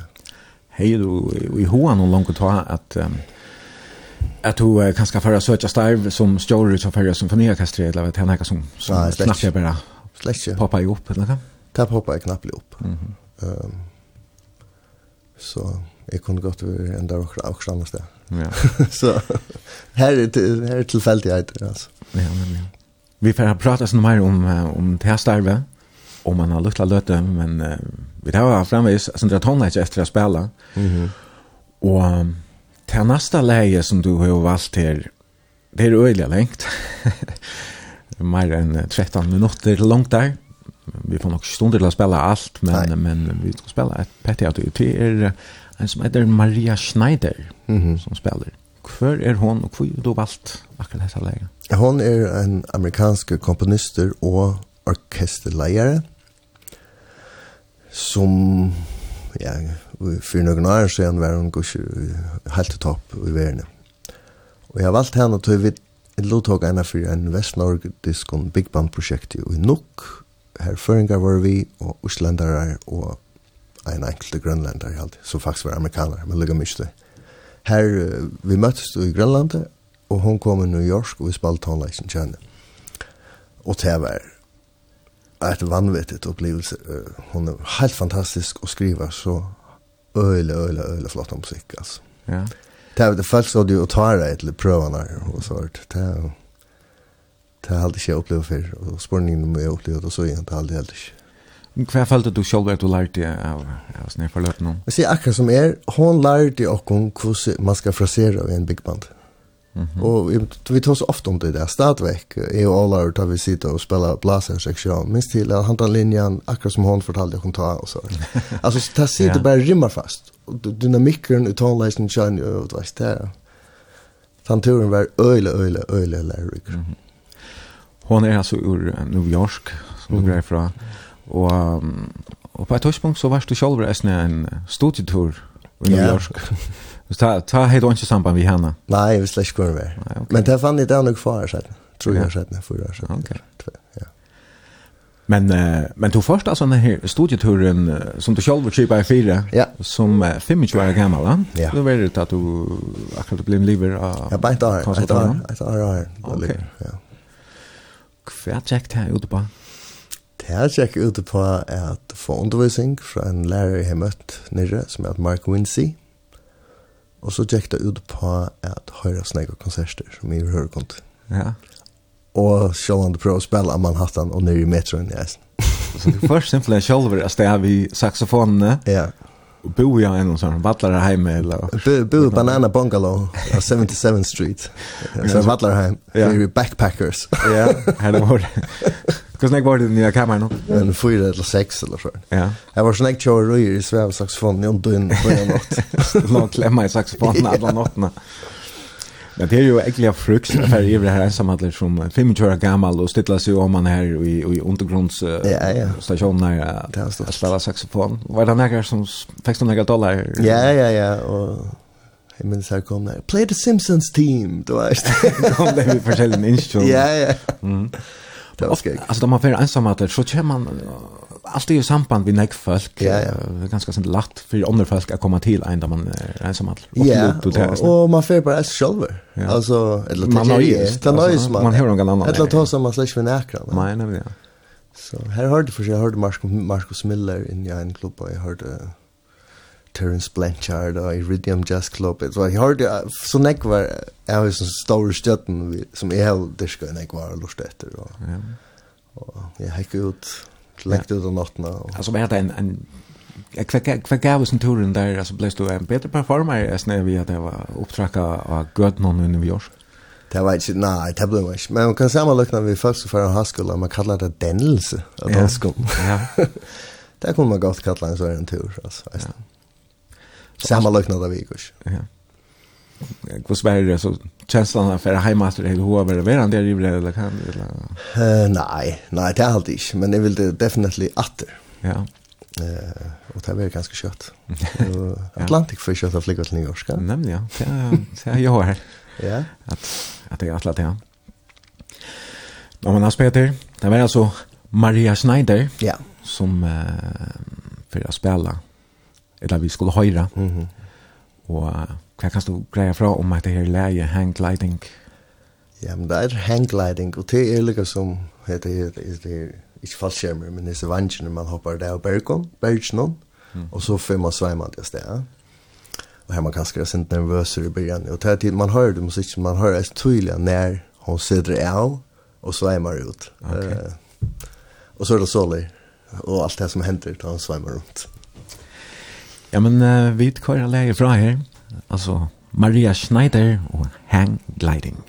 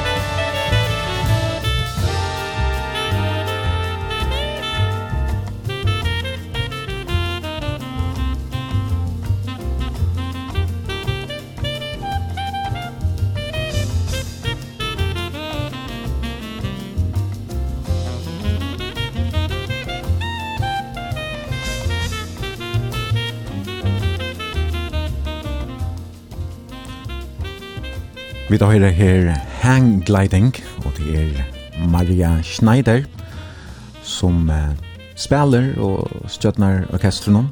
Og det er Hans Peter Brekkenon som er gesturbransj i morgen og velet håndleggen. Og at 22.00 her skriver en lortar stort og greit. Hans Peter hever så gåan smak ut håndlegg. Ikke nu. Ja, ja, ja. Takk for det. Ulykka mata her er det kommet flere vimmerkninger, og det blir framveis til at skriva antna 2400 eller Facebook-synet til brunch, det var B-R-O-N-S-J. Og her uh, spyr en lustar, um, det blir med spyr jeg til, hva er mest tøtninga mykje i starvetøynon, nuverande starvetøynon? Tånleika utbyggingen, tånleika utbyggingen, eller leslig utbyggingen? Det er rettelig greit at det er lastig utbyggingen. Så er at det er ansett som leier og ikke som tonleier. Nei, og det er at du er saksofonspillere. Det er ikke... Jeg har en tonleier-bakgrunn som er sjående er god å ha vi her. Ja. Men det er ikke det jeg ansett til. Nei. Og selv har du ikke spilt vi symfoniorkestren, no? Uh, nei, jo, två lö för år till nudgerskonserterna. Ja, det var så att han blev lejare och själv kunde bestämma om tusen. Nej, jag säger faktiskt nej. Benny säger ta skall du. Okej. Men det är det är trick vi till lejare uppe kvinchen ja. Ja. Så det var det var inte några det var inte några kriterier som alltså tar du sökte större effekter så kanske det att du spelade saxofon inte det som är avgörande. Men jag tycker att okej, boar utbyggvingarna här av Ivalest och det skulle ha sagt. Ja. Uh, men jeg er ikke spesialist i klassisk tonläge, men det er är öll linjer. Ja. Uh, og, og, er, og akkurat hur jag sen lærer jag kvante att hemma. Men uh, ja, det er ok. Okay. Revidera så er det kanskje boar utbyggvingar som gjør at. mm -hmm. men är inte tonläge i orkestern, det er ikke. Nei. Du blei altså setter som stjåre til Færja Symfoniorkestri i 2019. Mm. Det er så, nei, tror jeg er så igjen. Hvordan har hentan tøyen vært? Han har vært uh, ordentlig god, og ordentlig kjelig, og ordentlig god. ordentlig god, og så kom korona. Og så. så kom korona, ja. Nei, det var det var veldig spennende jeg byrja, og vi sett igjen uh, skulle var ferdig siden Rikve ting om gang, så kom korona. Og så Ja, så nøys man at taka lukvast et, et sti sen, og en av konsert sen, vi kvart spalte vi der, vi kvart spalte avløst, og det ble spalt for hundra falkon, og så ble det avløst, og det her var øyla messamt. Uh, yeah. Og ångte så sagt vi med, Hans Peter, du er ikke gjerra, altså, du, nu korona er. Uh, jo, jeg arbeider dobbelt snakk nå. Først fyrir reikjen av konsert, så skal han gå hjelp med avløsa sted. og det er reisen til ut at det er hoteller og utlendingar yeah. og et apparat som teller mellom halvtrus, hundraltrus folk og forklarer kvui. Mm. Vi nøyest at avløsa, og jeg helst vilja vi bare gjør det som planlagt. Ja. ja, ja, ja. det er den emmaste og det lattaste og det beste. Ja? Men det er, det er så bestemt ikke ikke som planlagt av korona. Det er det ganska två fred fram och så två eller tre åter ja, och det, åter, ja. åter fram. Men nu ser det ut till att vi krossar fingrar för jag vet hur vi handlar det. Mm. Och så er det til at du färdas ner i mitten uh, Chapmanhavn och och följer uh, det var ju helt ikke lagt med en coronavär. Nej, alltså vi får ta fjør, förra året. Ta altså ta alt stångte uh, i Chapmanhavn. Ta bo vi här uppe i fyra måneder all familjen. I 2020. Ja. Eh, barnen gick i skole i Nete og kona min arbeidde i Nete.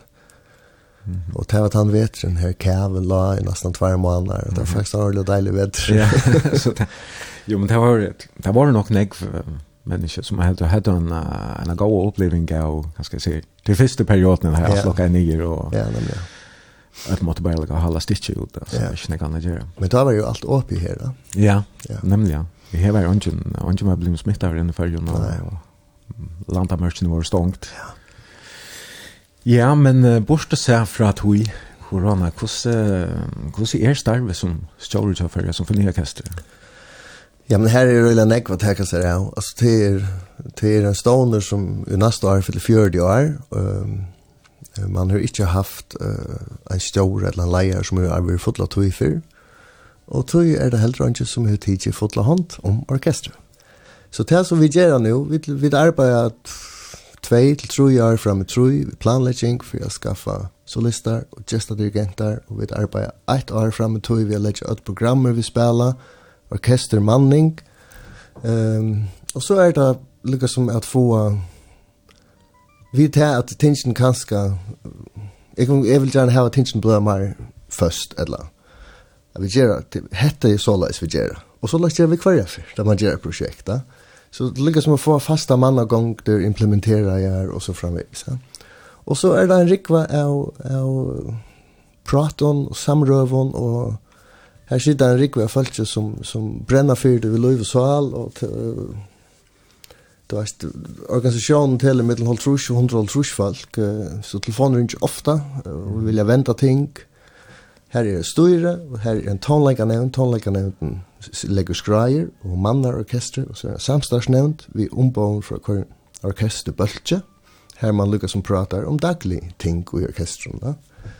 Og det har vi finner jeg som, det kører ordentlig vel nu, um, så la jeg man lukka som færre enn vi så snakk om fond og årlige, og de de får lagt, lagt i faste rammer, så lest man en organisasjon som er professionell. Nå er det første køyrer. Ja, ja. ja. Og Høyja symfoniorkester kan kanske samman berast vi vi lands vi är landslig altså at det är urmälingar det det bästa. Ja. Att ha jag för i följden som mannorkester och det är den 33 35 limer faster Ja, ja 35 her här alla. Eh vi tar at de som gänga og konsertorn vi til lesant Ja. Ja. Så Arn to trakka til, ta var det halvt her starv. Men, uh, ja, men jeg vet egentlig ikke om det er ordentlig å være definera hvordan nei, jeg det var. Ja. Uh, og det var helst ikke fullt her starv til jeg bør. Uh, og da sier jeg bare, men det kan man ikke, det blir ikke til. Eller jeg kan ikke gjøre det. Nei. Jo, så kan jeg gjøre det holdt, og det er vi ikke til. Nei. um, men du vet, så et å få altså, mer av pengene å arbeide vi, og så, så setter nevnden opp av fotlet og lykkes som i en rønderperiode i tve år. Mm -hmm er jo, flere for hørt at uh, folketallet er uh, så lite i følgen at, at det burde ikke burde til at just et uh, symfoniorkester i følgen. Mm. Man blir å si at jeg halte skal ska vara folketall på 500 000 eller så. Ja. Och man kan ta som att gjøre et symfoniorkester. Men i følgen ett nästa. Uh, Lukas Meisen innan uh, av så här utan greiner her, her vid uh, vinna till när vinna lån som är like next next där vid. Ja, ja. Så om man läser nu hörst att vi det röjliga väl vi lägger fram eh, vi symfoniorkestern. Symfoniorkester hever ett högst öje. Sjåvan kan du köra samma lukna att vi är fulltöjare professionellt orkester. Men, men följtsen som spelar här en professionell utbyggning och, och har är professionell stöje. Um, och stöje är högt. Hej, hej, hvis vi till dem så hade jag fulltöjare professionellt orkester. Vi tar med nu en spelare så är det inte ni om att stöje ännu högre. Ja? uh, det kan være en dreimer. Uh, nu har vi snakker av dem, men en av dem kom det. Ja. Uh, og så manglar vi det jo att trett. Og nu sier jeg kanskje ikke på men vi manglar jo et ordentligt konserthus til symfonisk antonleik. Og tar man nu, er det gång vi har bygget et tjåleikhus, hvor slår man ikke tverflor ved en smetje, og gjør det til å kombinere multi-konserthus og tjåleikhus som man deilig om. Det har vi helt fantastiskt. Det kostar kanske 600 miljoner for 300, men uh, så är det här. Mm. Man har haft uh, orkester fyller 40 år nästa år. Uh, jag tycker vi att orkester kommer halda år fram, nekv nekv år fram. Men vi eier stadigvæk ikke de store, fine, flotte konserthøttene ved det perfekte akustikken. Ja. Er det særlig akustikken du husker om? Eller? Det er særlig akustikken, ja. ja. Og omstøver rundt om til å halda en konsert vi så nekv om folk. Ja. Det har man ofta hört eh, klassiska tonläggare eh, tås om att eh, att Norrland hus är kanske inte här akkurat den rätta klantjen, den rätta akustiken til klassiska tonlägg och yeah. här jo også det som tar i setrene, där kommer mycket stolar ja, ja, ja. som, som absorberer jag och ångsvegna där. Norrland hus är ett fantastiskt hus och jag har ju alltid älskat och det ger igen men det är ju ikke byggt till klassiska tonlägg. Det är byggt till affären och ølebreit. Mm -hmm. Ja. Ja, men så hör du smita handen på uh, upp ja. i i luften. Kanske där uttegna en nutja arkitektkapping. Ja, för vet, för vet. Det händer mängd och kvärt nu då och det kan kan inte kött. Hur ska det ta flick? Ja, ja, alltså Och jag är inte allt ända. Nej, ja, nej. Nej, men det inte. Men men det är ganska några som tid uh, att det kan näsna på längre sikt. Orkestre, det er jo større enn jeg sier, 30-35 limner, første limner, så, ja. så hvordan gjør det så for jeg får, får flere tonlager vi? Som første prioritet regner vi å få alle de tonlagerne vi, som kunna og tøyma og heva støye, og, og her er jo nekker utlensker professionelle, eller førersker pro, uh, professionelle tonlegger som arbeider i utlandet, som øyelig ofte prioriterer okken vel, å komme hjem, Og så er det at det er lesende, som eisen tog man kommer hjem til at de, som ganger musikkonsertøren til at de har stunder. Og så vil resten av supplere vi utländska assistenter, som spelar ur professional orkestrum til dagligt. Mm -hmm. Man eh hur kosver har en otroligt stora menning så senast jag är en en rytmisk kanton like och musikskolan för för en stor part av av är när för det. Är det det samma kallande någon klassisk kantonlek just? Ja, just. Alltså och och och mån till i mån till rytmisk kantonlek så är den klassiska musikern kanske ännu mer en musikskola produkt än flera av de rytmiska alltså. Ehm. Jag vet inte, det ligger mer, det rytmiska musikern är synd mer, jag vet inte, tar är ju lika vet, jag vet inte hur ska förklara det men det det är klassiskt det typiskt som helt ung och så gänga det alla vägen upp va mhm. Musik kanske rytmisk musik musiken är kanske sin mer flackrande då vet du och så mhm. Ja. Monke av Okkon her var sikkert hukt etter seg her danske serien, ikke at Danmarks Radio orkestret. Mm er en, en sånn miniserie, Sjallmarp-serie, som mm. gonger i løtene, her man ser, uh, man, man fylker det sånn her orkestren noen, og er vittne til nekva at han intriker noen som er, og ja, ja. skjøttene nykker, som tror jeg seg alt han ikke er som og så. Ja er um, er han her er, er han verliga veren er han näka som Luigest sån här jag her drama eller underhållsserien. Nej, överhörs att han passar. Han har allt som är jag så sent är osatt. Och så smiles du. Nej, det var. Alltså det man kan känna att det är nog stort att Anker musiker symfoniorkestern har ringt mig så. Hur du säger så ser jag. Hade akkurat som det är verkligen. Ja, det är alltså musiker är ju där har stor ego och tar gänga högt på på sofak och, och brukar nekva timmar ensam att en rum på vänja och blå goer och det varst så att där har såna meningar om tinchen och där har det är för så för något. Ja. Och så ska det vara. Och så Sjölland ska det vara så läs. Eh uh, Sjölland ska det vara så. Alltså det det snurrar ju om att att göra karmarna runt om om täsläge starfällt så läs att hej Mm -hmm. For ha plats hade plats och rum som det skulle ha. Ja. Ja. Jag vet hur när vi å gjøre som om det nu är några konflikter eller så där en lösan här där det dirigenteren som som tek seg av orkestren og det det som hänt där med dem. Det ligger alltså där. Det ligger alltså där. Ja, och så kan du också att de ser en nej klart.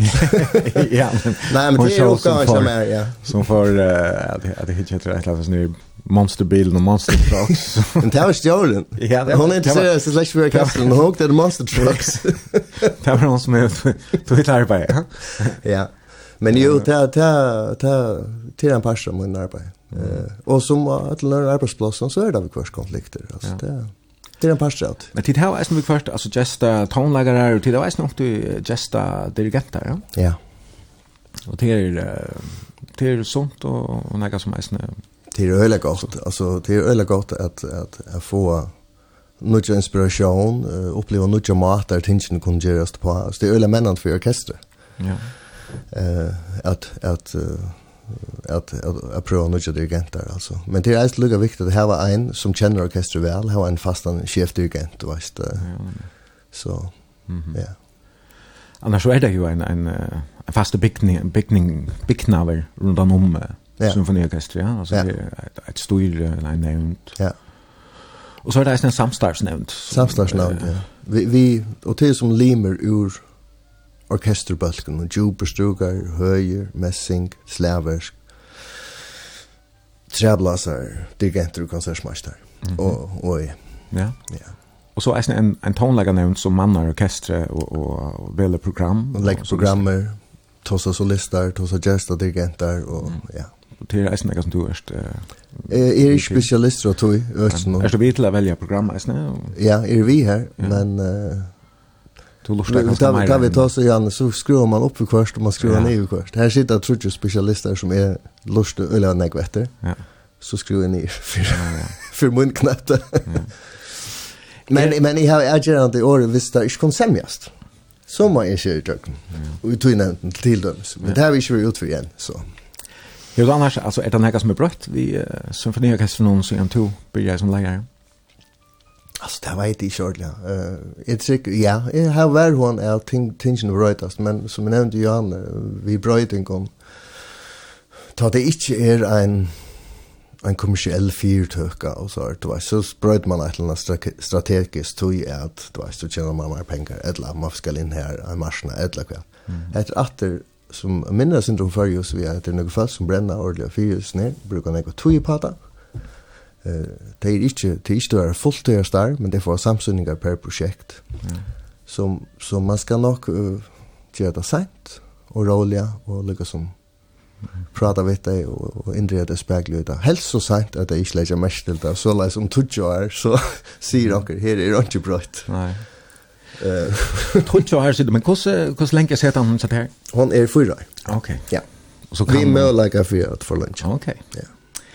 Ein lustare skriver at 24.00 Førja symfoniorkester hever eisen et godt kål, glem ikke det. Ah, det passar. Mm. Det passar. Og her er etter negfolk. her er en fors og fems folk, kallt jeg. Mm -hmm. um, som har vært opptøk rundt. Da blir man fire for noen år siden. Ehm och där har vi skilt alene och vara sin röring gå i. Men är det samtidigt att det är enaste rätt att göra vi smart ska lite nivå ja. Ja. Ehm och där vet där ska vara en upptaggrund att på touchpunkt. Mhm. Det är ja det är kor folk ur de första korn och Tora Västergård det är är det egentligen är player att vänja och stötta korn till. Okej. Med landa mycket konsert och till var konserterna nästa år vi Jag tror det på sån skriver en annan symfoni här i Eisen vi.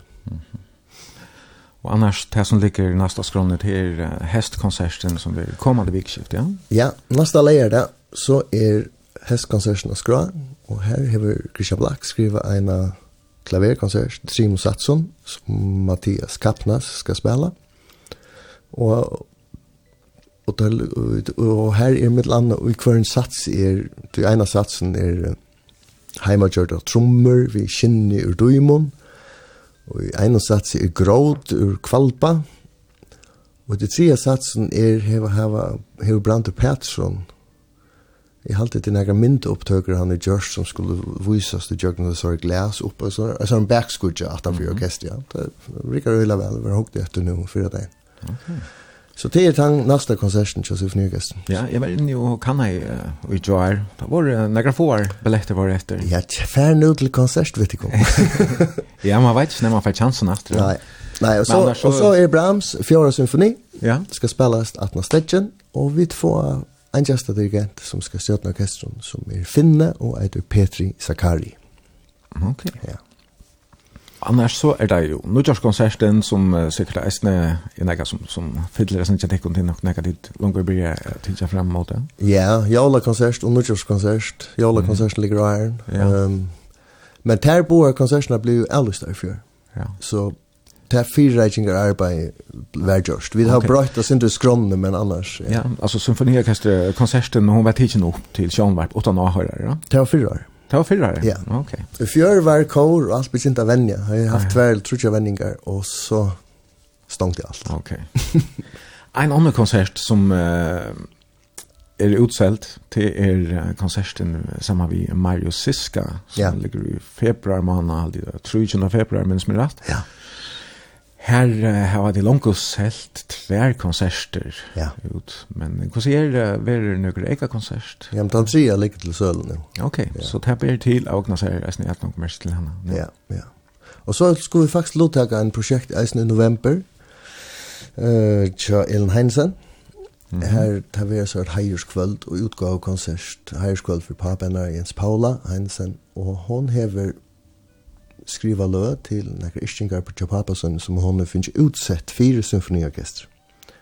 Så ta skulle vi inn og framføre, og i samband vi hette kvalt skulle vi inn og framføre seks lø som vi henne eisen. Så det er nekra skronne. Mm -hmm. ja. Vi får alt enda vi er noen leie som uh, fyrra symfoniorkester framfører. Ja. Det Er en opptøkker fra en konsert. Men Arlen, vi kommer til det leie, så at jeg lykker at lese noen helsaner her, her kommer her Nekvar, uh, fittar halsaner, halvt jeg tør jeg sier. det var godt. og um, ja, her er uh, snart fler vimmärkningar till det som du har fortalt om sendingsene. Ja. På Facebook er uh, vimmärker Elen den här turen uh, som de får uh, vid etterskolan och halvt där eller haskolan. Det brandar öst från Nilsbänk. Kommunskolan. Kommunskolan. Ja. Här det får til norra at lusta etter, aha. Hon skriver hjärtaliga till Locke vid föringarden hon hans Peter takk for leie. Det er nok aha, hun mener vi. Mm -hmm. Jeg har akkurat funnet skronna fra her som turen noen, og skronna vil bølgren kallar over oha.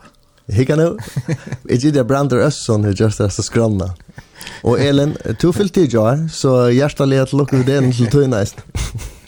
så får han helsan eisen vi gjøre. Og Facebook skriver uh, Eibjørg eisen, «Aua verst og stått til det lort etter tikkene morgen». Jeg minnes så vel til Hans Peter og familjen bo i Høsvik. De bo i husen av Lutlaheinon. Mm -hmm. Jeg var ångte badnagenta til dem og ba om fitt og badgenon. Jeg var så hodtidgjene av terra klavere og gjør det ångre rønt å spille på det.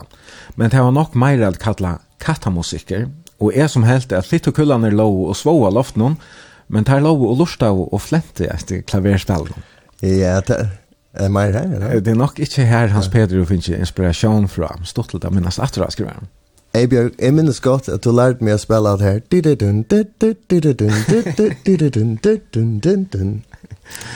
Ja. Det minnes jeg ta fra at du var badna kjent. Ok, så hun eier allukall en pers av æren i kjølst om hun ikke helt at hun helt at de bare flent i etter men det det passer ganske kjælt. Nei, det er aldri ikke. Nei, her er uh, Ulla Nekvar Helsamer. Jeg skriver eisen her minnes vel stortlig ungdomstøyne i GHM her til hva eisen vær. Mm. Og i dag er vi flere som atter er vi i orkestren. Til lukker vi den, skal vi komme til. Ja, takk for det. Det var ganske en hint. Det er, altså, ja, jeg vet det er hint. Det her kom nekv hint jeg med Det har stått litt tøyge hjem da. Ja. ja. Ein annan lustar skriver, jeg minnes vel ta sankaren Uparia kom til Havnara byggva i husen hon kjallenka om og lengaba. Nekve gode minner ur Gundadale, håp i hos noen, og ta vi platt ved at smasja bøstander nir i gulvet frutja kveld ut i en stor hedje, vi er noen dråpa av Campari. Ja, vi hadde et fantastisk fl flåpesli i tridelt, utja fram, og vi vunnet tvei år av rea, men vi tømte ikke opp å spela, eller ikke opp, ja. så til enda vi, vi ble blekker ur fellan alltid. Ja, du det smärs nu kallt va? Nej, du var så seriös. Det var bara hugg flog huggefloppas. Okej. Ja, ja. Vi kommer att skriva så ända vi har skriva Hans Peter var alltid så stort lirare vi samma vi. Mm. En annan skriver um, stort då det grejer från Hans Peter hälsan en granne till vår föräldrar och Schilmauer från Restorf 18. Til okkur føringar den Hans Peter, stort till stå til det høre deg med den andra Shubidua av loften och Atekon, yeah. och Hold the Line av Gongegøttene. Yes. Ja, du har faktiskt eisen valt att Shubidoa lär, men där får vi stund, stå till att spela. Nej, passar. en annan skriver «Tonleggeren tonläggaren blir i en loft i Hösvik. Ja, vi er solbrillen og, og ketcher. Ja, okej. Og en tromsett. Ja. Og en bilsplatt. ja, ja. Det er så här det ska vara. Det er en spel. Hans Peter var leier i Tramher og Munkon Øren i Førjehusen i Kjeppmannhavn, en fantastisk leier. Jeg var en nekvar og ofte han troplar oppgaver som han løste til OG. Alt det beste, Hans Peter. Ja, takk for det.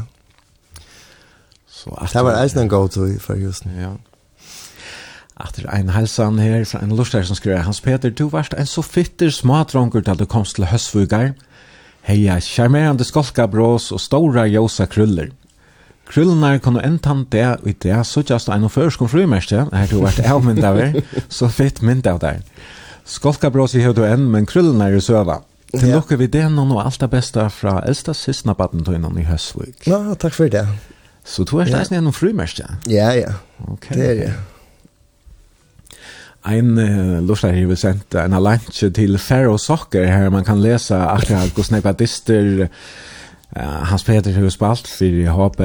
Jeg kan, jeg kan se at det så. Ja, det var i 2000 og, nei, 1992, da du byrja i besta linjen og spalte du 16 dister, skåra ikke nekka mål, fikk ett gult kort, og så er etter var det nødje dister, da skåra jeg så tru mål.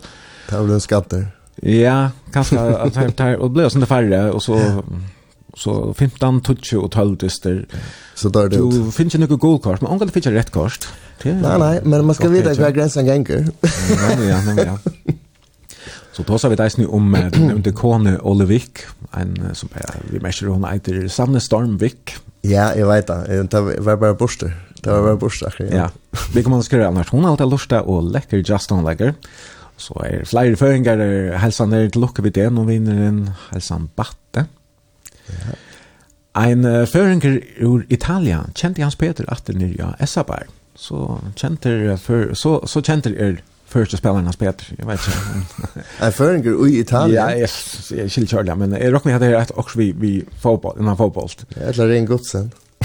Nå ja, det är det. Ja, du kan ska spela med honom. Ja, vi plattar sparska så. Så är det en som Jens Skolka Bros spyr om du näkrar till hur i Las Vegas. Eh. ja, det har vi. Eh, uh, kursbyr, var vi kommer vi, eller? Vi kommer att skriva så är det så just like gå en kaffe måndag kväll. Ja, men det jo här är vi gärna för. Och det var en supertur. Ja. Och så så Det var så att det var inte nej nej. What happens in Vegas? Jo, nej nej, vi var vi var faktiskt vi var där förra dagar och vi körde runt vi lejde en bil. Vi var faktiskt öle lojt i Las Vegas. Så vi körde ur byn på den där. Var okay. Grand Canyon och Hoover Dam och Death Valley och så här. Så vi tar vi för hem att ta sig vi faktiskt om. Jag vet att vi finns ju allt för lite vi inne i Las Vegas. Då vet var borste. Okay. Jo, det är ju bön. Så, ja. ja. Men uh, jag jag ångrar det i Las Vegas uh, själva. Det är så en där. Marklades bor i Roxvägna här då. Ja, till till alla alla städer alltså. Krävde sig att man har nog snacka pengar vi säger när man för en sån typ. Det var inte visst du ska spela nek, så ska man nek. Hvis du ska jag spela nek, så på nek. Annars är det inte du där jag nära i USA och New York. Nej, det har aldrig sett. Nej, nej, det det är helt spoilet men det är det man man är rå för oss till slut. Ja. Nå, Hans Peter. Tog igjen noen er ferdig, så kan uh, ta den aller seneste vimmersingen her, uh, en som skriver, Hans Peter dor fantastiska godt at sværa og gjøre sina funksjon som leier klara, og hverfor oppgaver han hever, og hverfor øtje han hever meira, vidan enn han flyr, og ikke han må være en fantastisk leier, skriver vi kommande. Takk for det. Vi færre altså at enda vi at høyra, Førja som fornekaster, sammen vi Henrik Goldsmith. Ja. Yeah og etter et lær som heter Gabriels Obo. Ja, det er nok skik at lær har haft iver 16 millioner uh, visingar av YouTube. Vi färgar symfoniorkester. Ja, mm -hmm. no, det er det er ikke ofte man fer til symfoniorkester. Nei. Og det var faktisk en fyrspurning i fire om, om noter og partitur til at det leie. Hver kom det fra? Var det fra Italien?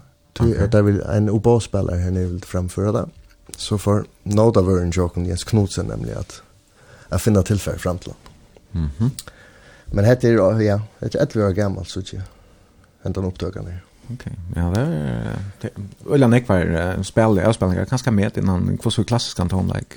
Ja, för ju ändå råkner vi är här och när vi är just. Ofta när vi då. Vi tittar. Ja, det är snätt ett otroligt flott lä som vi får höra nu men lite lätt. Ja. If får tackar dig för det at jeg kunne komme vidt at jeg her, og kunne ta det alle i morgen, takk at jeg for blodskap, og takk at jeg for eldrene at jeg for jeg kunne være her i stavene, og takk at mamma dine for lekre rabarbetrifle, og, og det her er for en fralegan brunch i morgen. Og så var jeg sånn takk at jeg lortar for uh, vimersinger og helsaner og annet godt som de har sendt inn til dere. Og kan annars, men nå at sendt ikke blir sendt etter som, uh, la enda sendt i utvarpen om torsdag klokken 1, og så blir den annars løgt ut av heimasunna kvf.f og framskak brunch sett sættni i det. Jeg vet ikke om du har nægget leidja treat, Hans Peter? Ikke annet enn jeg vil innskje dikken takk for det lortsteie, og så vil jeg innskje dikken et ordentlig godt vikskift. Og takk for helsaner. Ja. Og jeg fyrir at jeg som leis innskje det godt vikskift og en uh, framhaltande gåan. Føringar det. Takk for det. Hetta var altså brunch hesa fer, gestur var Hans Peter Brekkenon, i er Eidi Eifen Jensen, og bare at vi brunch, og nudjon geste kommande leierda klokkan 5 minutter i vitutje. Vi enda vi Førja Symfoniorkestre og Henrik Goldsmith, vi tar her Gabriels Obo. Takk til oss som lortet igjen, og godt vikeskiftet.